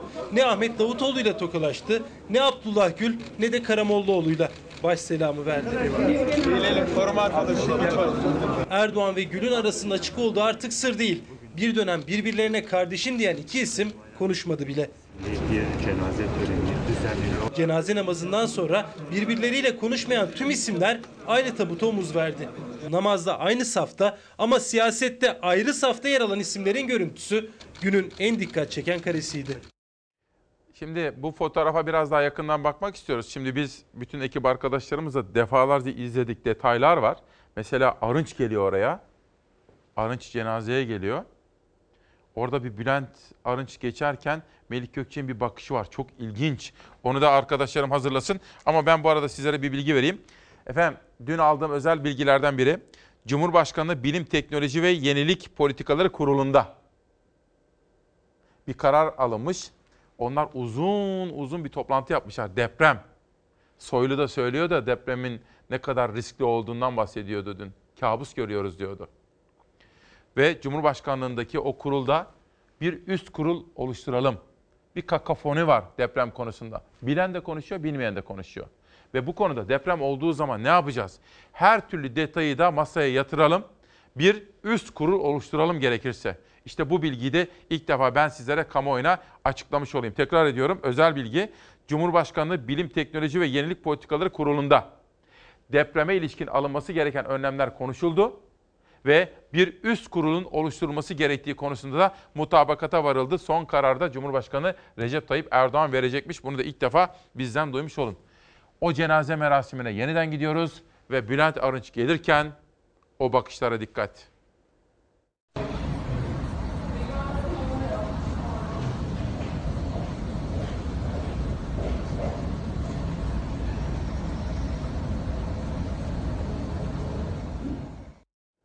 Şimdi Tevfik Göksu da bir bakıyor önce sessiz kalıyor yanında. Tevfik Göksu. Arınç'a bir şey söylüyor. Ya biz tabii dudak okuması yaptık da kendi aralarımızda ama onları bir söyleyemeyiz. Niyet okuması yapmayız. Yani dudak okuması yaparız da niyet okuması yapmayız. Fakat orada Arınç'la Tevfik Göksu arasında da çok çarpıcı bir diyalog var. Ama o bakışlar unutulmaz. Bu cenazeye ve cenazeye ilişkin haberlere ilerleyen dakikalarda yeniden döneceğim. Şimdi gelsin dış dünya. Yerel gazetelerle Türkiye turuna çıktık. Bir de dünyaya bakalım. Financial Times gazetesi. İtalya, Çin'den sonra bütün dünyada koronavirüsten en çok etkilenen ülke oldu. Ve ekonomisi çok fazla etkilendi. Bakın. Bu virüsün yayılması ile ilgili bir savaş şu anda. Ve burada İtalyan başkentinin, hükümetin 10 milyar euroluk bir para pompalayacakları çünkü piyasalar çakıldı orada. Hemen yanında hiç kimse işe gidemediği için, çalışamadığı için mortgage ödemeleri de durduruldu. Aklınıza şu soru da gelebilir. Neden İtalya bu kadar etkilendi? Çünkü İtalya'da çok fazla Çinli de var. Çinliler özellikle tekstille ilgili fabrikalarda, atölyelerde Çinliler de çok çalışıyor. Onun da bir sebep olduğunu belirtiyor uzmanlar. Financial Times'tan The Guardian gazetesine geçiyorum bakın. İtalya'dan İngiltere'ye geçtiğimiz zaman National Health Secretary yani aslında Sağlık Bakanlığı'ndan bahsediyor burada. Ve Sağlık Bakanlığı ile birlikte koronavirüsün hem küresel piyasalarda hem de İngiltere'de yaratmış olduğu etkilerden yani finansal etkilerden de bahsediliyor. Rakamlara bir baktığım zaman bakın burada tespit edilmiş ve onaylanmış, evet kabul edilmiş rakamlara bakılırsa İngiltere'de de Birleşik Krallığı'nda 373'e çıkmış ve 6 kişi de yaşamını yitirmiş efendim. Sıra geldi dünyada koronavirüs haberleri. Dünya genelinde görülen vaka sayısı 120 bine ulaştı. Kayıtlara göre 4295 can aldı. Çin'den sonra koronavirüsten en çok etkilenen ülkelerden İtalya ve İran'da durum ciddileşiyor. Liderler arasında en dikkat çekici açıklamayı yapan isim Almanya Başbakanı Merkel oldu. Merkel, virüsle mücadelemiz uzun sürecek dedi.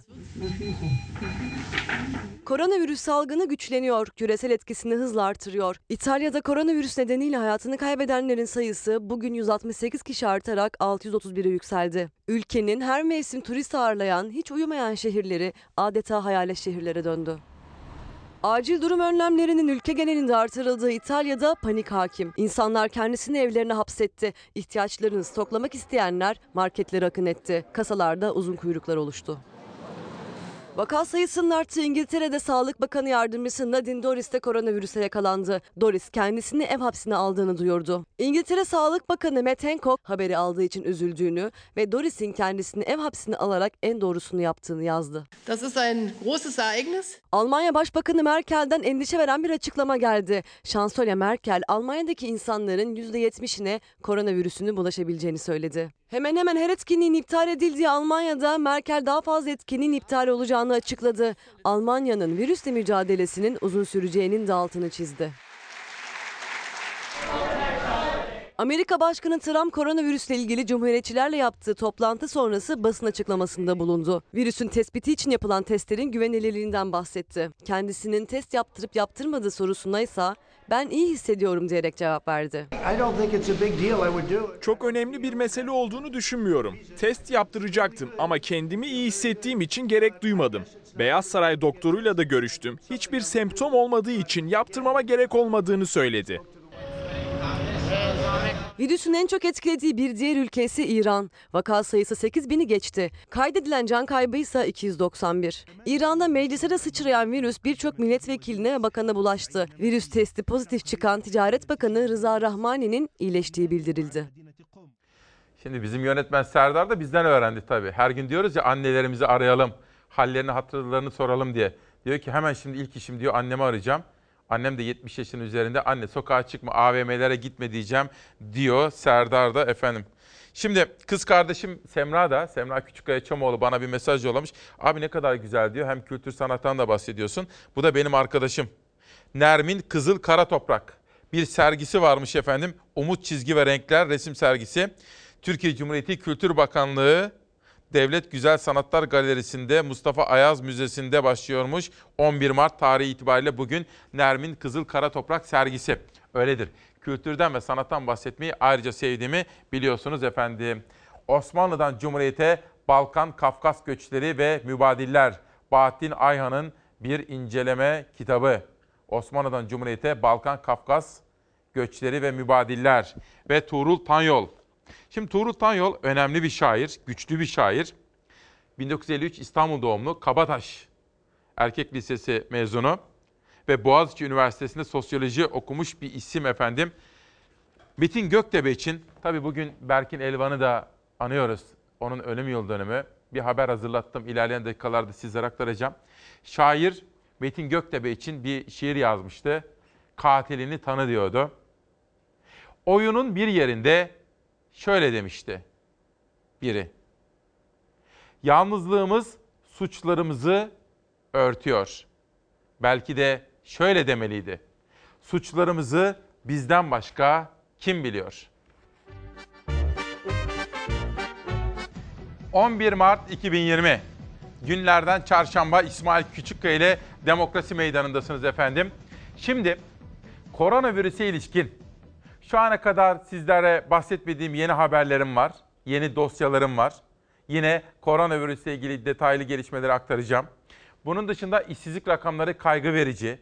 Ekonomiden ve esnaftan, iş dünyasından gelen mesajlar ve bunun yansımaları, siyaset bunları nasıl görüyor ona bakacağım.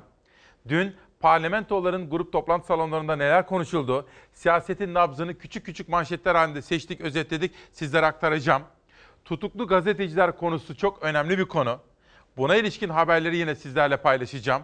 Bu arada yönetmen koltuğunda bir devir teslim yapıldı. Savaş Yıldız kardeşim geldi. Ondan rica etsem hiç geç kalmadan gazete manşetleriyle haber yolculuğumuza başlasak. Dünya Gazetesi ile başlıyorum bugün. İtalya ile ticaret virüse yakalandı. Yener Karadeniz manşeti. Ülkenin tamamında karantina uygulanması İtalya ile ticareti durma noktasına getirdi. Taşımada engel yok. Taşımada engel yok ama birçok sektörde siparişler bıçak gibi kesildi. Şimdi şu ana kadar sizler hiç bahsetmediğim dün gece basın toplantısı yapan Bakan, Sağlık Bakanı Fahrettin Koca'dan yeni bir manşet. Hep beraber atıyoruz. Ben şeffaf bir şekilde bugüne kadar bu süreci götürmeye çalıştım. Ve bugün bu saatte yarın sabah da açıklayabilirdim, akşam da açıklayabilirdim. Gecenin bu saatinde açıklamanın bir sebebi vardı. Şeffaf davranma e, çerçevesinde bunu açıklama gereğini hissettik. Dolayısıyla özellikle altını çizerek ifade ettiğim bir cümle oldu. Hasta mahremiyeti. Ve bu dönemde bir ili veya bir bölgeyi veya bir hastaneyi bu anlamda gündemde tutmanın doğru olmadığına inanıyorum. Ben bu kadar net size ifade ediyorum. Zaten bununla ilgili bilgiler uluslararası boyutuyla da bildirilmiş olacak. Bunu da anlayışla karşılayın. Teşekkür ediyorum. Okullar tatil edilmeli mi? Tedbiren. Seyahatler kısıtlanmalı mı? Yaşı 70 ve üzerinde olanlara ilişkin özel tedbirler mi almalıyız? Kalabalıklardaki etkinlikler ertelenmeli. Ertelenmeli mi? Bunları da konuşmamız gerekiyor. Bu arada Gemlik'ten Mahmut abimiz diyor ki paşam panik yapmıyoruz, korkmuyoruz ama yapılması gerekenleri yapıyoruz dedi ve özetledi. Uğur Karabayır'da maçlar bence seyircisiz oynanmalı diyor. Avrupalılar işte bu tedbirleri almakta. Bu hafta Trabzonspor'la Başakşehir ligin zirvesi açısından önemli bir maça çıkıyor. Galatasaray'la Beşiktaş yine şampiyonluk düğümü açısından çok önemli maç. Acaba böyle tedbirler alınacak mı? Şunu söyleyeyim. Bugün Sağlık Bakanı ile Milli Eğitim Bakanı görüşüyor. Bugün ve bundan sonra. Sonra Cumhurbaşkanı'na da konuyu aktaracaklar. Dolayısıyla her türlü tedbir alınabilir. Bu virüs yayılmadan boğulabilir. Dünyadan geçelim bir gün gazetesine. Pardon, Cumhuriyet'e bir geçelim şimdi. Bu bir dursun. Döneceğim buraya Savaş, pardon. Heh. Virüs alarmı. Türkiye'de ilk koronavirüs vakası görüldü. Figen Atalay, sağlık dünyasını yakından takip eden bir gazetecidir, bir meslektaşımdır ve önlemler sıkılaştırıldı. Dünyanın yeni kabusu koronavirüs Türkiye'de de görüldü. Sağlık Bakanı Koca bir yurttaşta koronavirüs tespit edildiğini, hastanın genel durumunun iyi olduğunu açıkladı. Türkiye teyakkuza geçerken sınırdaki sağlık personelinin yıllık izinleri iptal edildi. Okulların tatil edilmesi gündemde. Yurdumuzdaki manzarayı da izleyelim. Ama bu arada sizler de düşünün olur mu? Okullar tatil edilmeli mi?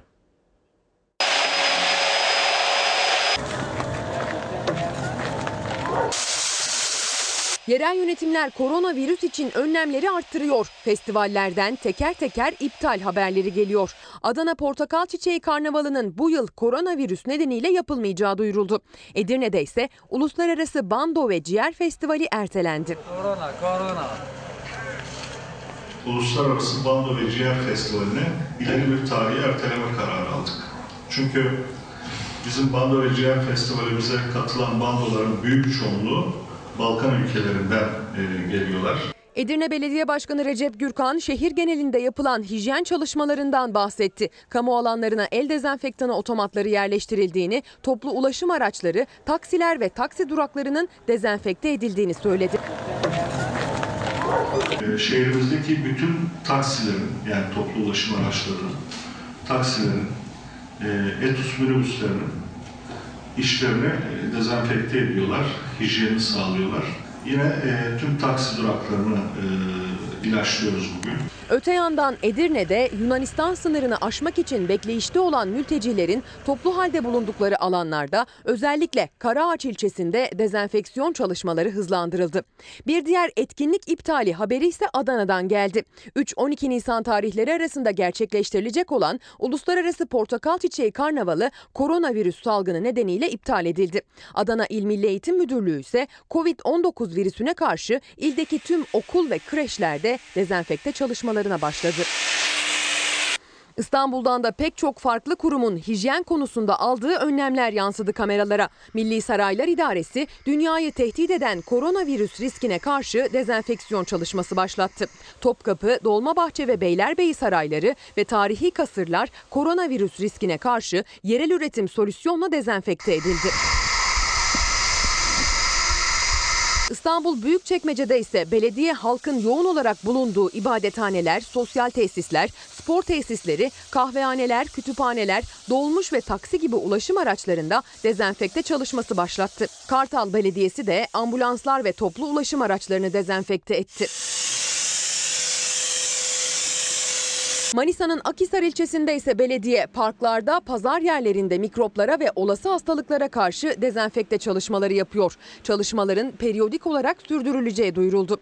Sadece kurumlar değil, esnaf da önlem alıyor. Koronavirüsten ölümlerin 291'e çıktığı İran'a sınır komşusu Ağrı'da bir kahvehane sahibi müşterilerinin ellerine virüse karşı korunmak amacıyla masa masa gezip dezenfektan sıktı. Emektar kahvecimiz Sadullah Bey'in böyle bir uygulamaya geçmesi bizleri de mutlu etti. Kendisine teşekkür ediyoruz.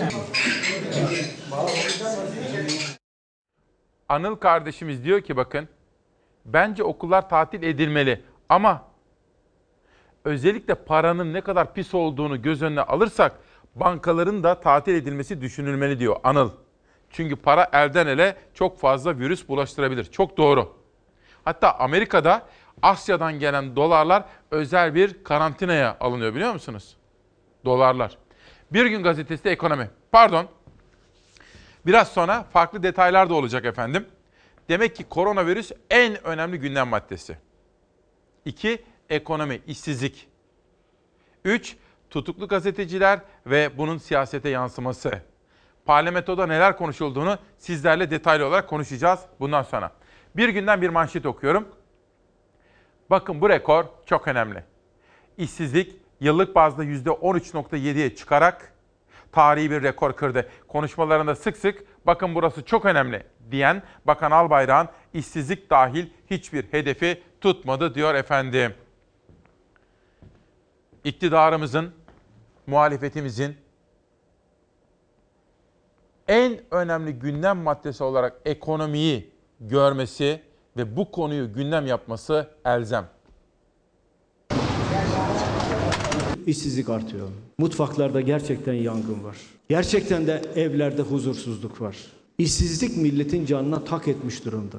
İşsizler ordusuna 92 bin kişi daha katıldı. Türkiye'deki toplam işsiz sayısı 4 milyon 394 bine ulaştı. TÜİK'in Aralık ayı rakamlarını açıklamasıyla birlikte 2019 yılının işsizlik tablosu da ortaya çıktı. Nisan ayında her şey çok daha güzel olduğunda burada başka, orada başka konuşanlar yüzümüze nasıl bakacaklar?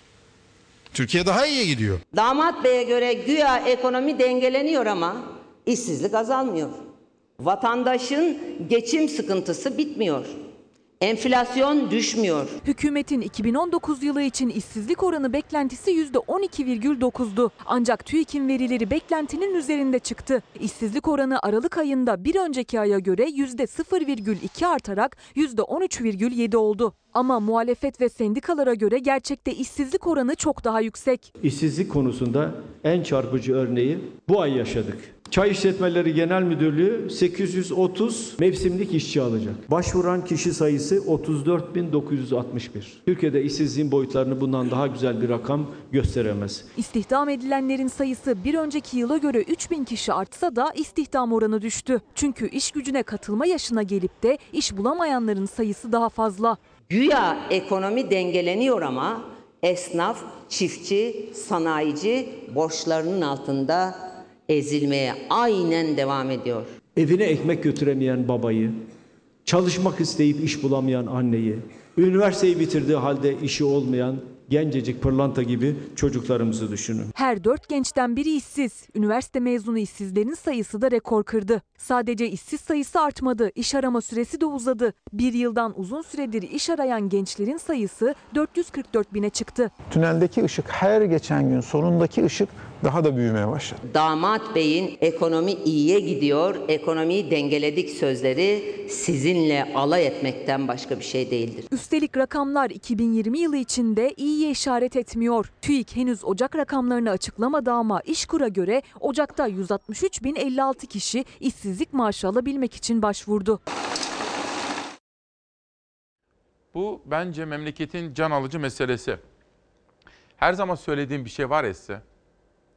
Benim görevim yani bağımsız ve tarafsız bir gazetecinin görevi iktidarın söylediklerini de aktarmak, muhalefetin söylediklerini de aktarmak. Halktan birisi ve bir gazeteci olduğu için sorgulayan bir zihne sahip olması gereken ben kendi görüşümü de aktaracağım. 1, 2, 3 yetmez. Siz karar vereceksiniz. Önce muhalefet, sonra iktidar ama kararı siz vereceksiniz. Önce muhalefet. Kaç yıllık pazarcısın?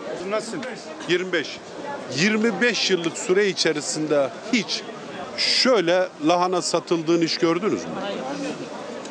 Alım gücünü buradan ölç. Tüketici sebze meyve fiyatlarına yetişemeyince pazarcılar da yeni çözümler buluyor. CHP'li Gürsel Tekin de pazarda satılan çeyrek lahanayla alım gücüne dikkat çekti. Bundan 3-4 sene önce çok değil 4 sene önce 1300 lira emekli maaşı alıyordum. Bir tane Cumhuriyet alıyordum 500 liraya. Üste benim elime yine para kalıyordu. Şimdi bir emekli maaşına bir tane Cumhuriyet alamıyorsun. CHP İstanbul Milletvekili Gürsel Tekin tüketicinin nabzını tutmak için Kadıköy pazarındaydı. Tüketici eskisi kadar alım gücü olmamasından dert yandı. Cüzdanımda olan para da bu. Sayın milletvekili. Allah kolaylık Bizim versin çalışıyor ablacığım. bir. Cüzdandaki 40 lirayla kaç gün daha geçineceksiniz? Ya bir hafta. Bir hafta ekmek param işte. Ne yapacağız? Burası şu anda en çok talebin olduğu yer. Heh, bravo. Çünkü vatandaş et ihtiyacını karşılayamadığı için etin yerine mantar alıyor. Etin alternatifi mantar oldu ama bir evde peynir şart. Onun da kilosu 48 lira ortalama. Evinizde olmazsa olmazlardan peynir olacak. Etten vazgeçtik. Burası market değil.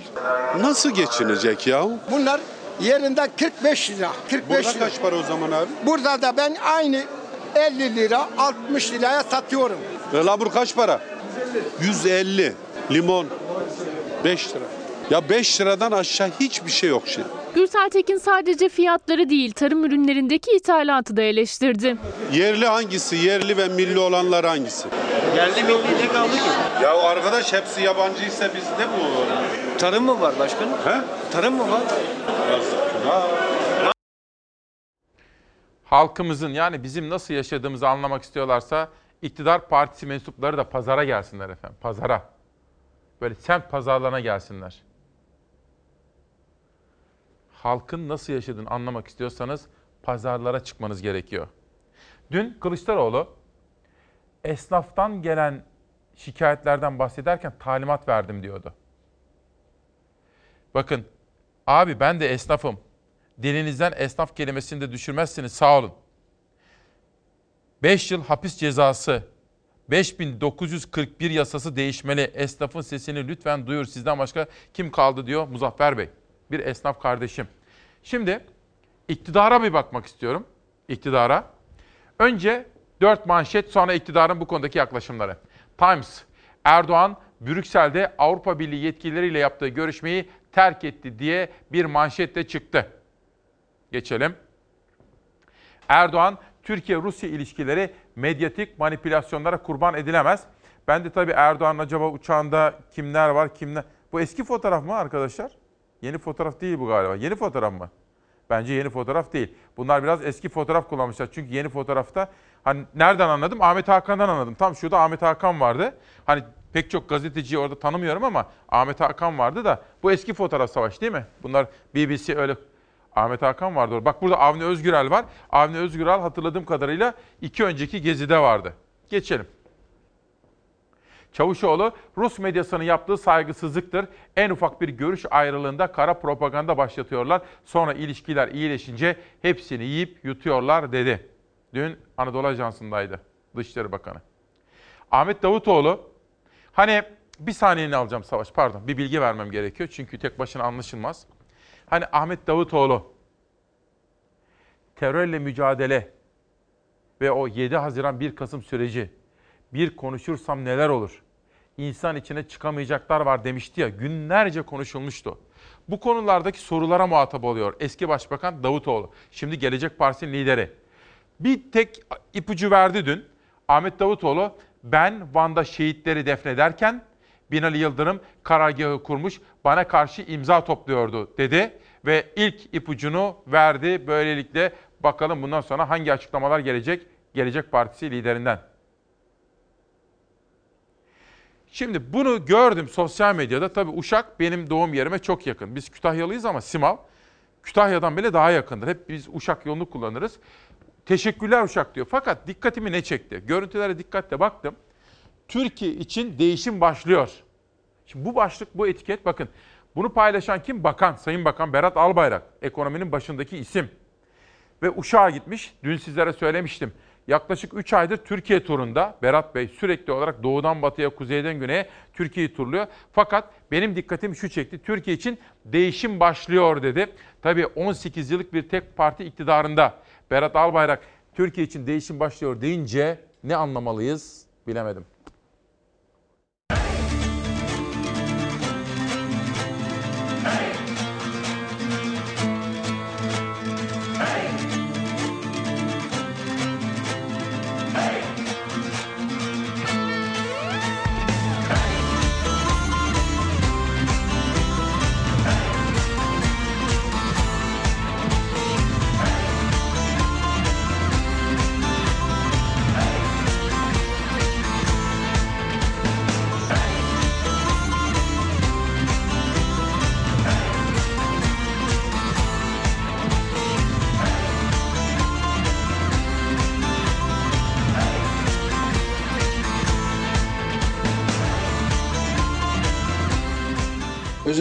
Ekonomimizin doğrudan hedef alındığı, spekülatif kur ataklarının neden olduğu tüm bu tahribatı elhamdülillah giderdik, gideriyoruz, daha güçlü adımlarla yolumuza ilerliyoruz.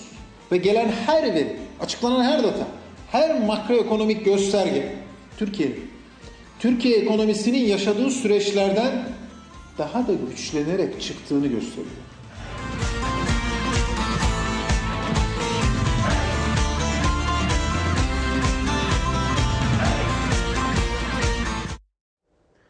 Enteresan değil mi? Bence çok çarpıcı. Türkiye için değişim başlıyor diyor Berat Albayrak. 18 yıllık bir tek parti iktidarında ekonominin başındaki isim çok önemli bir isim. Uşak'a gitmiş. Bütün Türkiye'yi dolaşıyor. Dikkatleri çekiyor efendim. Gerçekten bakalım neler olacak. Uşak'tan sonra gelsin. Heh. Şimdi bu dün çalışırken ikimizden de aynı anda hani bazen öyle olur ya konuşurken aynı anda bir şey çıkar. Dün çalışıyorduk. Nihal Kemaloğlu'yla çok geç değil mi dedik? Bakın MIT, MIT kumpası FETÖ'nün ilk büyük hataydı bu iktidara karşı. Ve belki en büyük hataları oldu. Fakat 2012, yıl gelmiş 2020 iddianame yeni kabul ediliyor. Çok geç değil mi? İstanbul 23. Ağır Ceza Mahkemesi terör örgütü FETÖ'nün 7 Şubat 2012'deki MIT kumpasına ilişkin hazırlanan 14'ü tutuklu 34 sanıklı iddianameyi kabul etti. Yani 10 Mart 2020'de mahkeme FETÖ elebaşı Gülen ve 15 sanık hakkında yakalama kararı da çıkardı. Çok geç değil mi gerçekten? Bazen yargı bir günde karar veriyor, bazen tam 8 yıl sonra iddianameyi kabul ediyor. Bilmiyorum neden bu kadar gecikti. Belki bir açıklama gelir. Hurşit Güneş, TÜİK'in dün açıkladığı işsizlik verilerini değerlendirmiş ve oldukça karamsar bir tablo görüyormuş. 1. İşsizlik 2019 sonunda önceki yıla göre %13,5'tan %13,7'ye çıkmış. Küresel ve bölgesel veriler değerlendirildiğinde bunun daha da yükseleceği beklenmelidir diyor efendim. Savaş bir sonrakine geçelim. Savaş Yıldız. Risk priminin en yüksek olduğu 7 ekonomi. Zaman geçirmeden riskleri düşürmemiz gerekiyor dedi Mafi Eğilmez. Peki bir soru sorayım. Ali Babacan buraya geldiğinde ne demişti? Risk primi nasıl düşer? Hadi söyleyin bana hatırlayın. Yani ekonomide güven nasıl artırılır? Yatırımlar nasıl artar? Dedi ki ilk maddeye basın özgürlüğünü koymamız gerekir. Anayasamıza öyle koyacağız dedi. Yani partilerin kendi anayasasına, parti tüzüğüne ve programına Basın özgürlüğü ve hukukun üstünlüğü. Yani hiç kimse kendi can ve mal güvenliğinden endişe etmeyecek. Bir gece sabaha karşı bir talimatla kimse evinden gözaltına alınmayacak. Hukuk işleyecek. Hukukun önünde herkes eşit olacak. Yargıçlar talimatla, tavsiyeyle, telkinle, yönlendirmeyle, HSK'dan birinin telefonuyla, Adalet Bakanlığı Müsteşar Yardımcısının veya Adalet Bakanlığı'nda filan daire başkanının veya iktidarın çok önemli bazı üyelerinin avukatlarının gitmesiyle, talimatlarla, tavsiyelerle karar vermeyecekler. O zaman dedi Ali Babacan, biz bunu yaparsak yatırım gelir demişti. Geçelim. Ve Anadolu Ajansı eller sık aralıklarla en az 20 saniye yıkanmalı. Öksürürken ve hapşırırken tek kullanımlık mendiller tercih edilmeli. Odalar sık sık havalandırılmalı diyor. Sağlık Federasyonu'ndan koronavirüs ile mücadele önerileri. Ve Evrensel Gazetesi'ne geçelim. Burada okumuş yazmış, üniversiteyi bitirmiş ama acaba neler yaşamakta, hayallerini gerçekleştirebilmekte mi? Sabah söyledim mi bilmiyorum. Zeray söyledi mi sabah ben onu? Şimdi bir arkadaşım var Trabzon'da. Önemli bir görevde.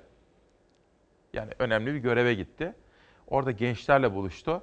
İzlenimlerini sordum. Gençlerimiz dedi mutsuz, hayali kalmamış bir gençlikle buluştum dedi. O kadar üzüntülüydü. O kadar üzüntülüydü ki gençlerimize umut ve gelecek aşılamamız gerekiyor. Bakın Evrensel Gazetesi 2 milyon üniversiteli kaldırım mühendisi. Üniversiteli işsiz sayısı 876 bine çıktı. İş bulma ümidini yitirme, ev işleriyle meşgul olma gibi nedenlerle sayılmayan üniversiteli işsiz sayısı ise 1 milyon 40 bin ile rekor kırdı diyor. Ve haberin başlığı iki kelime. Üniversiteli pazarcı. İki üniversite bitirdim ben. Kocaeli Üniversitesi'nde iki yıl okuduktan sonra üniversitesinde lisans tamamlama yaptım. Nereden mezunsunuz? İstanbul Ekonomi. İş bulamıyoruz. Hiçbir şekilde iş bulamadığımız için. Yan tezgahım, karşıdaki kitapçığım, arkam, sağım, solum her yerim. Hepsi üniversite mezunu. Hayalleri süsleyen üniversitelerin yüksek puanlı bölümlerinden mezun oldular ama iş bulamadılar. Kimi babadan, aileden gelen imkanlarla, kimi kendi gayretiyle bir pazar tezgahının başına geçti. İstanbul Pazarcılar Odası verilerine göre İstanbul'da pazarcıların artık %10'u üniversite mezunu. Aralarında iki üniversite bitiren de var, doktora yapan da. Yüksek lisansı da bitirdim. Şu an doktora yapıyorum aynı zamanda. Okurken bir hayaliniz var mıydı? Okulumu bitireceğim. Ondan sonra yabancı dil öğreneceğim. Masa başı iş yapacağım. Tabii ki güzel hayallerimiz vardı yani. CV'lerde devamlı döneceğiz. Hep bu şekilde beklemelerde kaldık yani. Bekleme süresi uzadıkça alternatif arayışa girdiler. Tugay Çiçek onlardan biri. Önce ön lisans sonra lisans eğitimini tamamlayıp mali denetmen oldu. Şimdi baharat ve kuru yemiş satıyor. TÜİK verilerine göre 4 işsizden biri üniversite mezunu ve çiçek nispeten şanslı olanlardan. Günümüz piyasa koşullarını görünce bakıyorsun geçinemezsin. Çünkü en azından kendi bölümümle alakalı maaş potansiyelin yok. Aslında hayallerimiz çok ama hayal kurmaya şu anda vakit yok. Utanılacak bir şey yok ama yüzünü saklıyor doktora yapan 29 yaşındaki pazarcı. Kocaeli Üniversitesi Kamu Yönetimi ve Siyaset bölümünden mezun. İngilizce biliyor, iş bulamadı. Lisansı bitirip hemen bir devlet memuru olma hayalim vardı. O hayal ertelendi. Yüksek lisanstan devam edeyim dedim. Yüksek lisansı bitirdik. Yine bir şey olamadık. Maalesef yine şimdi doktora yapıyorum. Yeni evli olduğum için mecbur bir şekilde geçim olması gerekiyor. İşsizlik rakamlarında bir başka göze çarpan oran mühendisler arasında. Elektrik Mühendisleri Odası'na göre her 3 mühendisten biri işsiz. Su ürünleri mühendisi pazarcı baba Halil Işık, oğlu da yüksek makine mühendisi işsiz. İş aradınız mı peki? Aradım. İki yıl kadar aradım. Uygun iş bulamayınca yani e, baba mesleğine devam ettim. Oğlum şu anda bitirdi. Yüksek makine mühendisi oldu. İyi bir İngilizcesi de var. Öyle olmasına rağmen aşağı yukarı 6 aydır iş bulamıyoruz yani. O da pazarcılık yapsın ister misiniz? İstemem. Yani kendi mesleğiyle ilgili e, bir yere girsin, kendini geliştirsin. Evet değişim başlıyor demişti ya. Hamza Bey Malatyalı İsmail bu altın niye böyle artıyor? Bir de düşsün arkadaş diye söylüyor. Belirsizlikler arttığı zaman altın güvenli liman olarak gözüküyor. Acaba bu arkadaş yeni mi evlenecek? Altına mı ihtiyacı var? Hamza Malatya halı yıkama işi yapıyor diyor. Bakın. Altınla ilgili Hamza Malatyalı 244. Altında yazıyor ya bakın profilde. Malatya halı yıkama işi yapıyor. Belki de altın borcu var çocuğun, genç arkadaşımızın. Ama dediğim gibi çeyrek altın 520 lira, 525 liraya kadar çıktı efendim. Bir de ha, az evvel Ali Babacan'dan söz aktarmıştım ya size. Ülkeye yatırım gelmesi için evrensel değerlere, basın özgürlüğüne, ifade özgürlüğüne, hukukun üstünlüğüne, hakim teminatına ihtiyacımız var değil mi? Ali Babacan bunu söyledi. Bunlar olmadan para pul gelmez, fabrikalar açılmaz diyordu. Allah aşkınıza siz mesela yapar mısınız? Düşünün. Mesela bir Almansınız. Türkiye'de hak, hukuk, adalet konusunda endişeleriniz var ise, basın özgürlüğü konusunda kaygılarınız var ise, yargının bağımsız olmadığına dair kuşkunuz var ise algıda gelir buraya 10 milyon euro yatırır mısınız? İş dünyası önce sermayesinin güvende olduğunu hissetmek ister. Ali Babacan hep bunun altını çiziyor. Gelelim şimdi gazetecilerle ilgili gelişmelere. Pencereden okuyorum. Talimatla iddianame yazdırılıyor. CHP Genel Başkanı Kılıçdaroğlu gazetecilere tutuklama sürecinin Cumhurbaşkanı Erdoğan'ın sözleriyle başladığını söyledi. Savcı arkadaşlarıma sesleniyorum. Talimat aldığınızı biliyorum. Biliyorum ama yüreğinizin bir yerinde en ufak bir vicdan kırıntısı kalmışsa süratle iddianameleri hazırlayın ve gönderin dedi. Geçelim bir sonraki manşete. İcat edilmiş suç. Osman Kavala'dan casusluk suçlamasına yanıt geldi. Önceki gün hakkında yürütülen casusluk suçlaması ile bir kez daha tutuklanan cezaevindeki Osman Kavala suçlamalara yanıt verdi. Kavala tutukluluğumu ne pahasına olursa olsun devam ettirme niyetinin yargı mensuplarını yasaları ihlal etme noktasına sürüklemiş olduğunu görmek son derece üzücü ve endişe vericidir diyor. Yani şunu söylüyor. Bir yerlerden talimat gittiği için yargı mensupları yasaları, yasal mevzuatı ve uluslararası yasal mevzuatı çiğneme, ihlal etmek durumunda kalıyorlar. Çünkü bazı talimatları yerine getirmek mecburiyete kaldıkları için diyor efendim. Peki bütün bu gelişmelerden kaygı duyuyor muyuz? Duyuyoruz. Peki umutlu muyuz? Bakalım. Muhalefet yargı cumhuriyet döneminin en ağır krizini yaşıyor görüşünde ama Baro Başkanı umutlu. Yargıtay Başkanı'nın talimatla karar iması yaptığı, yasal dayanağı tartışmalı olan bir süreçle iki günde altı gazetecinin tutuklandığı, tahliye ya da beraat kararı verilen isimlerin aynı gün yeniden cezaevine gönderildiği, muhalefet liderlerinin ve onlarca baronun Türkiye'nin tarihinin en ağır yargı krizinin içinde olduğunu söylediği bir dönemde Türkiye Barolar Birliği Başkanı Metin Feyzoğlu konuştu. Ben umutluyum. Türkiye'den hiç olmadığı kadar umutluyum demiş Metin Feyzoğlu. Bir fotoğraf gelsin. Özellikle o meslektaşlarımızla ilgili fotoğraf. Heh, bakın. Barış Pehlivan şu anda o cezaevinde. Oda TV'nin genel yayın yönetmeni. Hemen yanında Oda TV'nin haber müdürü aynı zamanda Cumhuriyet Gazetesi yazarı Barış Terkoğlu. Manisa'dan bir gazeteci arkadaşımız Hülya Kılınç Oda TV'nin muhabirliğini yapmakta. Yeni Şafak Yeni Çağ gazetesinden Yeni Çağ gazetesinden yazar Murat Ağırel ki geçtiğimiz günlerde bir kitap yazmıştı. Özellikle İstanbul Belediyesi'nden önceki dönemlerde nerelere hangi kaynakların aktarıldığını irdelemişti.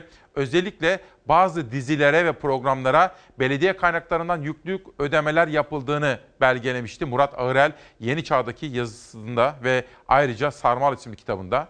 Yeni Yaşam Gazetesi Genel Yönetmeni Ferhat Çelik ve Yeni Yaşam Gazetesi Yazı İşleri Müdürü Aydın Keser onlar şu anda tutuklular efendim. Bilmiyorum Türkiye Barolar Birliği Başkanı gibi ben Türkiye'den hiç olmadığı kadar umutluyum diyor musunuz?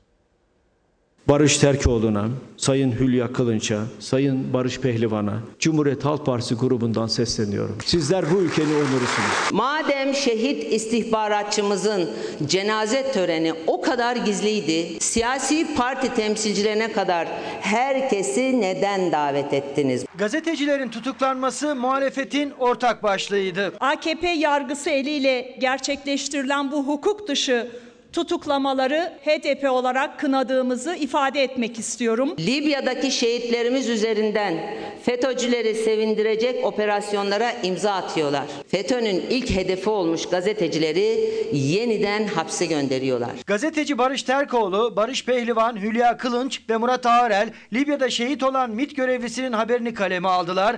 Devlete ait gizli bilgileri ifşa ettikleri gerekçesiyle tutuklandılar. Madem Libya'daki unsurlarımız bu kadar gizliydi, Sayın Erdoğan dünyanın gözü önünde milli istihbaratımız Libya'da görev yapıyor diye neden açık etti? Gizli hiçbir şey yok. Her şey açık. Evleri sabaha karşı basılıyor. Ortada yazılı hiçbir şey yok. Ama şifai talimat var. Ve tutuklanıyorlar. Yaklaşık 9 yıl önce FETÖ kumpasıyla cezaevine giren Barış Terkoğlu ve Barış Pehlivan bir kez daha cezaevinde. Yeni Çağ gazetesi yazarı Murat Ağarel de önce serbest bırakıldı ardından sabaha karşı tutuklandı. Haberi yapan gazeteciyi soruşturup cezaevine göndermek işin kolayı. Üstelik de bunu FETÖ'nün yöntemleriyle yapmak en kolayı. Hiçbir gücün önünde diz çökmeyen gazetecilersiniz. Bir sivil darbe döneminde size bedel ödetiyorlar. Ödenen bedel Türkiye'nin aydınlığa çıkma bedelidir. Eski ahim yargıcı Rıza Türmen de T24'e yaptığı açıklamada yapılan haberler gazetecilerin tutuklanma gerekçesi olamaz dedi. Avrupa İnsan Hakları Mahkemesi'nin bu konuda yerleşmiş bir içtihatı var. Gizli bilginin gizliliği kalktıktan sonra yayınlanmasının engellenmesi ifade ve basın özgürlüğünün ihlaline yol açıyor. Gizli bir bilginin yasal olmayan yollardan elde edilmiş olması da bunu değiştirmiyor. Yargıyı bu hale getiren bazı hakimler ve savcılardır. Onlar savcı ve hakim değil, sarayın kalemşorlarıdır. Biraz önce bir haber vardı ya, hem evrenselde bir manşet, üniversiteli pazarcı. Bakın Özgür Ünlü. Özgür 61-26 böyle giden bir profili var. İsmail Bey günaydın. Çok merak ediyorum. Az evvel gösterdiğiniz haberi acaba devlet büyüklerimiz seyrediyor mu? Üniversiteli pazarcı haberini. Acaba üniversite mezunu işsizlerimiz, gençlerimiz onların halini, halkımızın durumunu, esnafın durumunu biliyorlar mı? Bence günün en önemli sorusu bu işte Özgür Ünlü.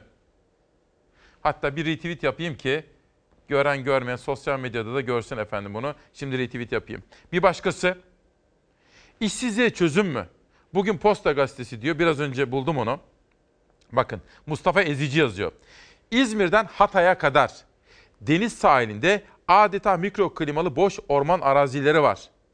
Köylüye versinler, tropikal meyveler eksi, ekilsin ve en az 10 milyar dolar kazanılır, işsizlik de önlenir diyor. Bakın o mesajı görünce bugünkü Posta Gazetesi yeni trend tropikal meyve yetiştiriciliği. Özellikle Antalya, Gazipaşa, Alanya'da avokado, passion fruit, kivi, bakın mango ve Mustafa Ezici de İstanbul'daki işini gücünü bıraktı efendim ve gitti. Dedi ki ben artık bu tarım işiyle uğraşacağım dedi. Bize de böyle bir bilgi anlatıyor. Bir saniye.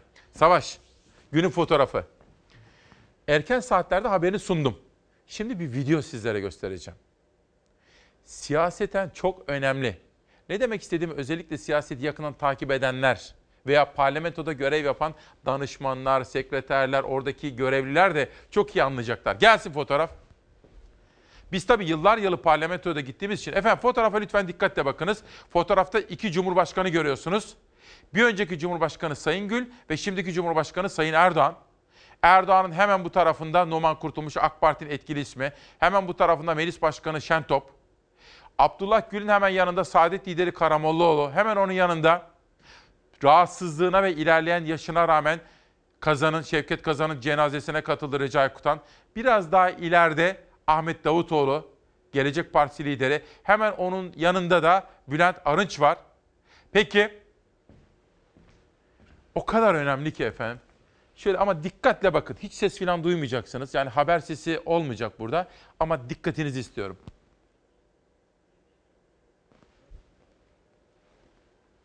Abi bir müsaade eder misiniz? Öndeki arkadaşlar. Osman abi.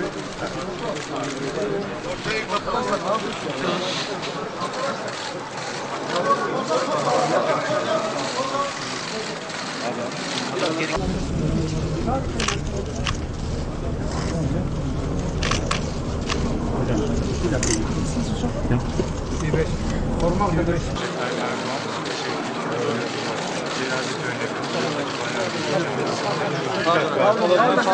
Geçmeyelim arkadaşlar. Pardon. Pardon bir geçmeyelim İbrahim Bey özür dilerim.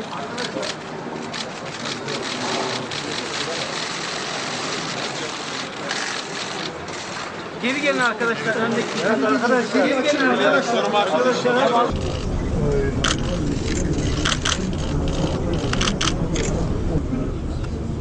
Efendim? Tamam.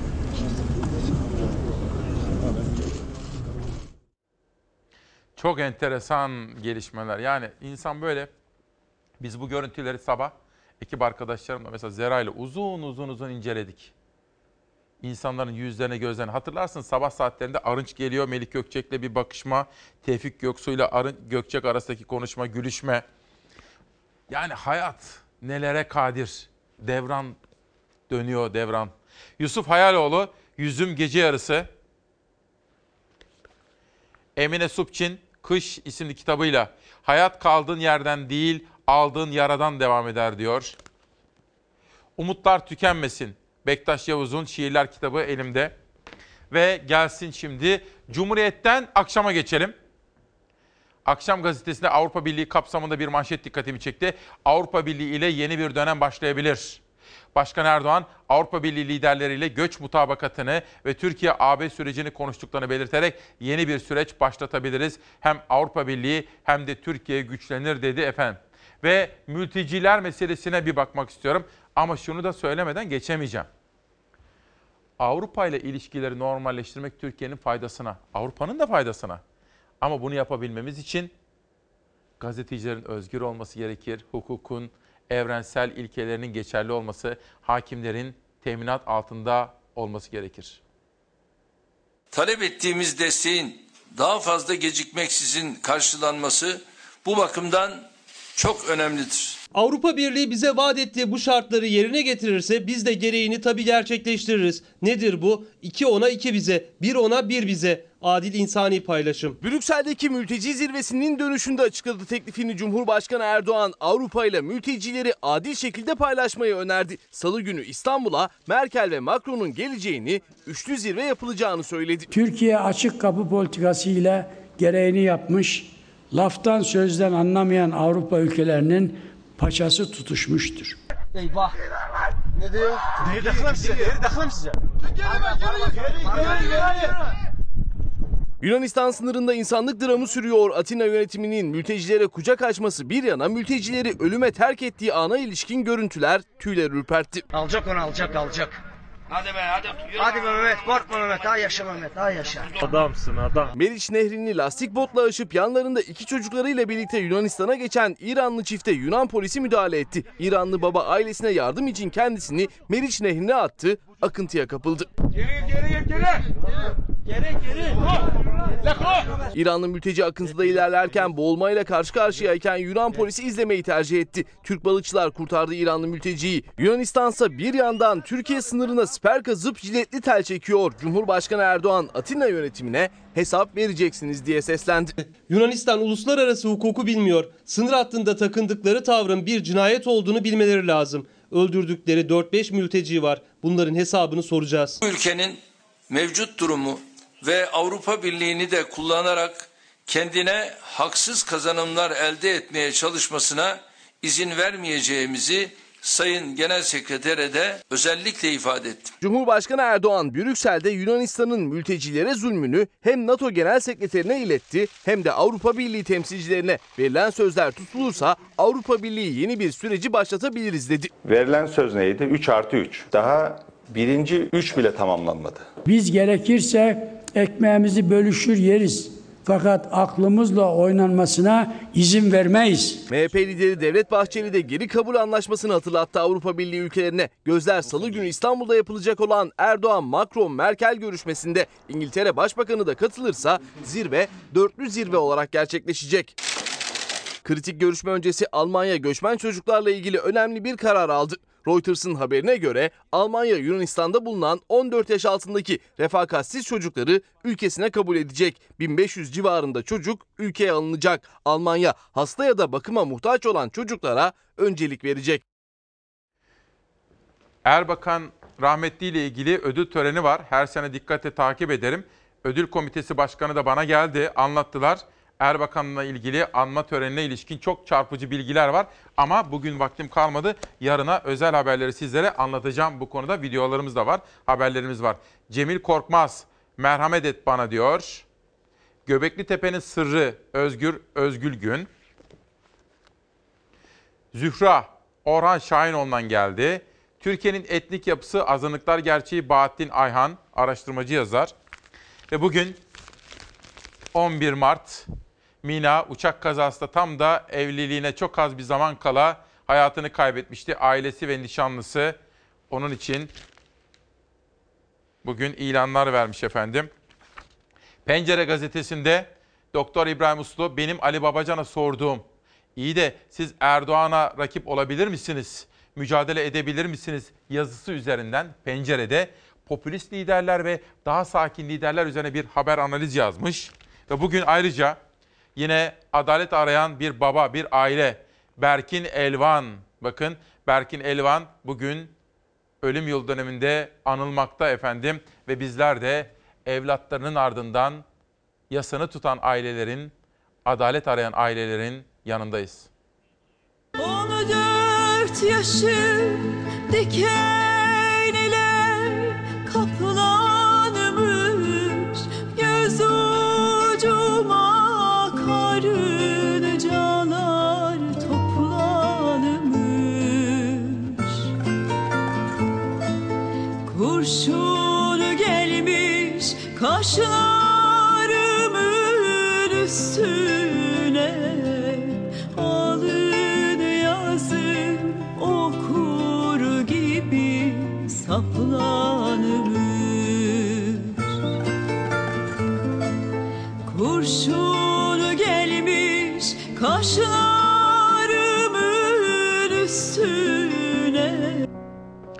11 Mart'ta da işte böyleydi.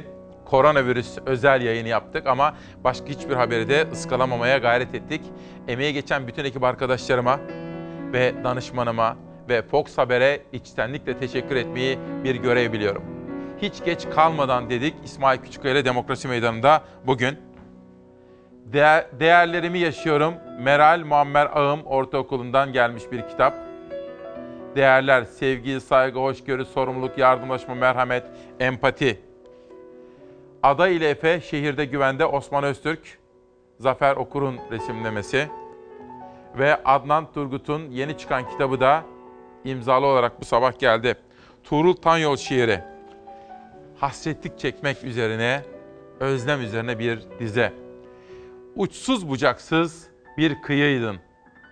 Güneşin altında uzanan, sana özlemle baktım. Kollarımı açsam, kollarımı açsam seni bütünüyle kucaklayabilirdim.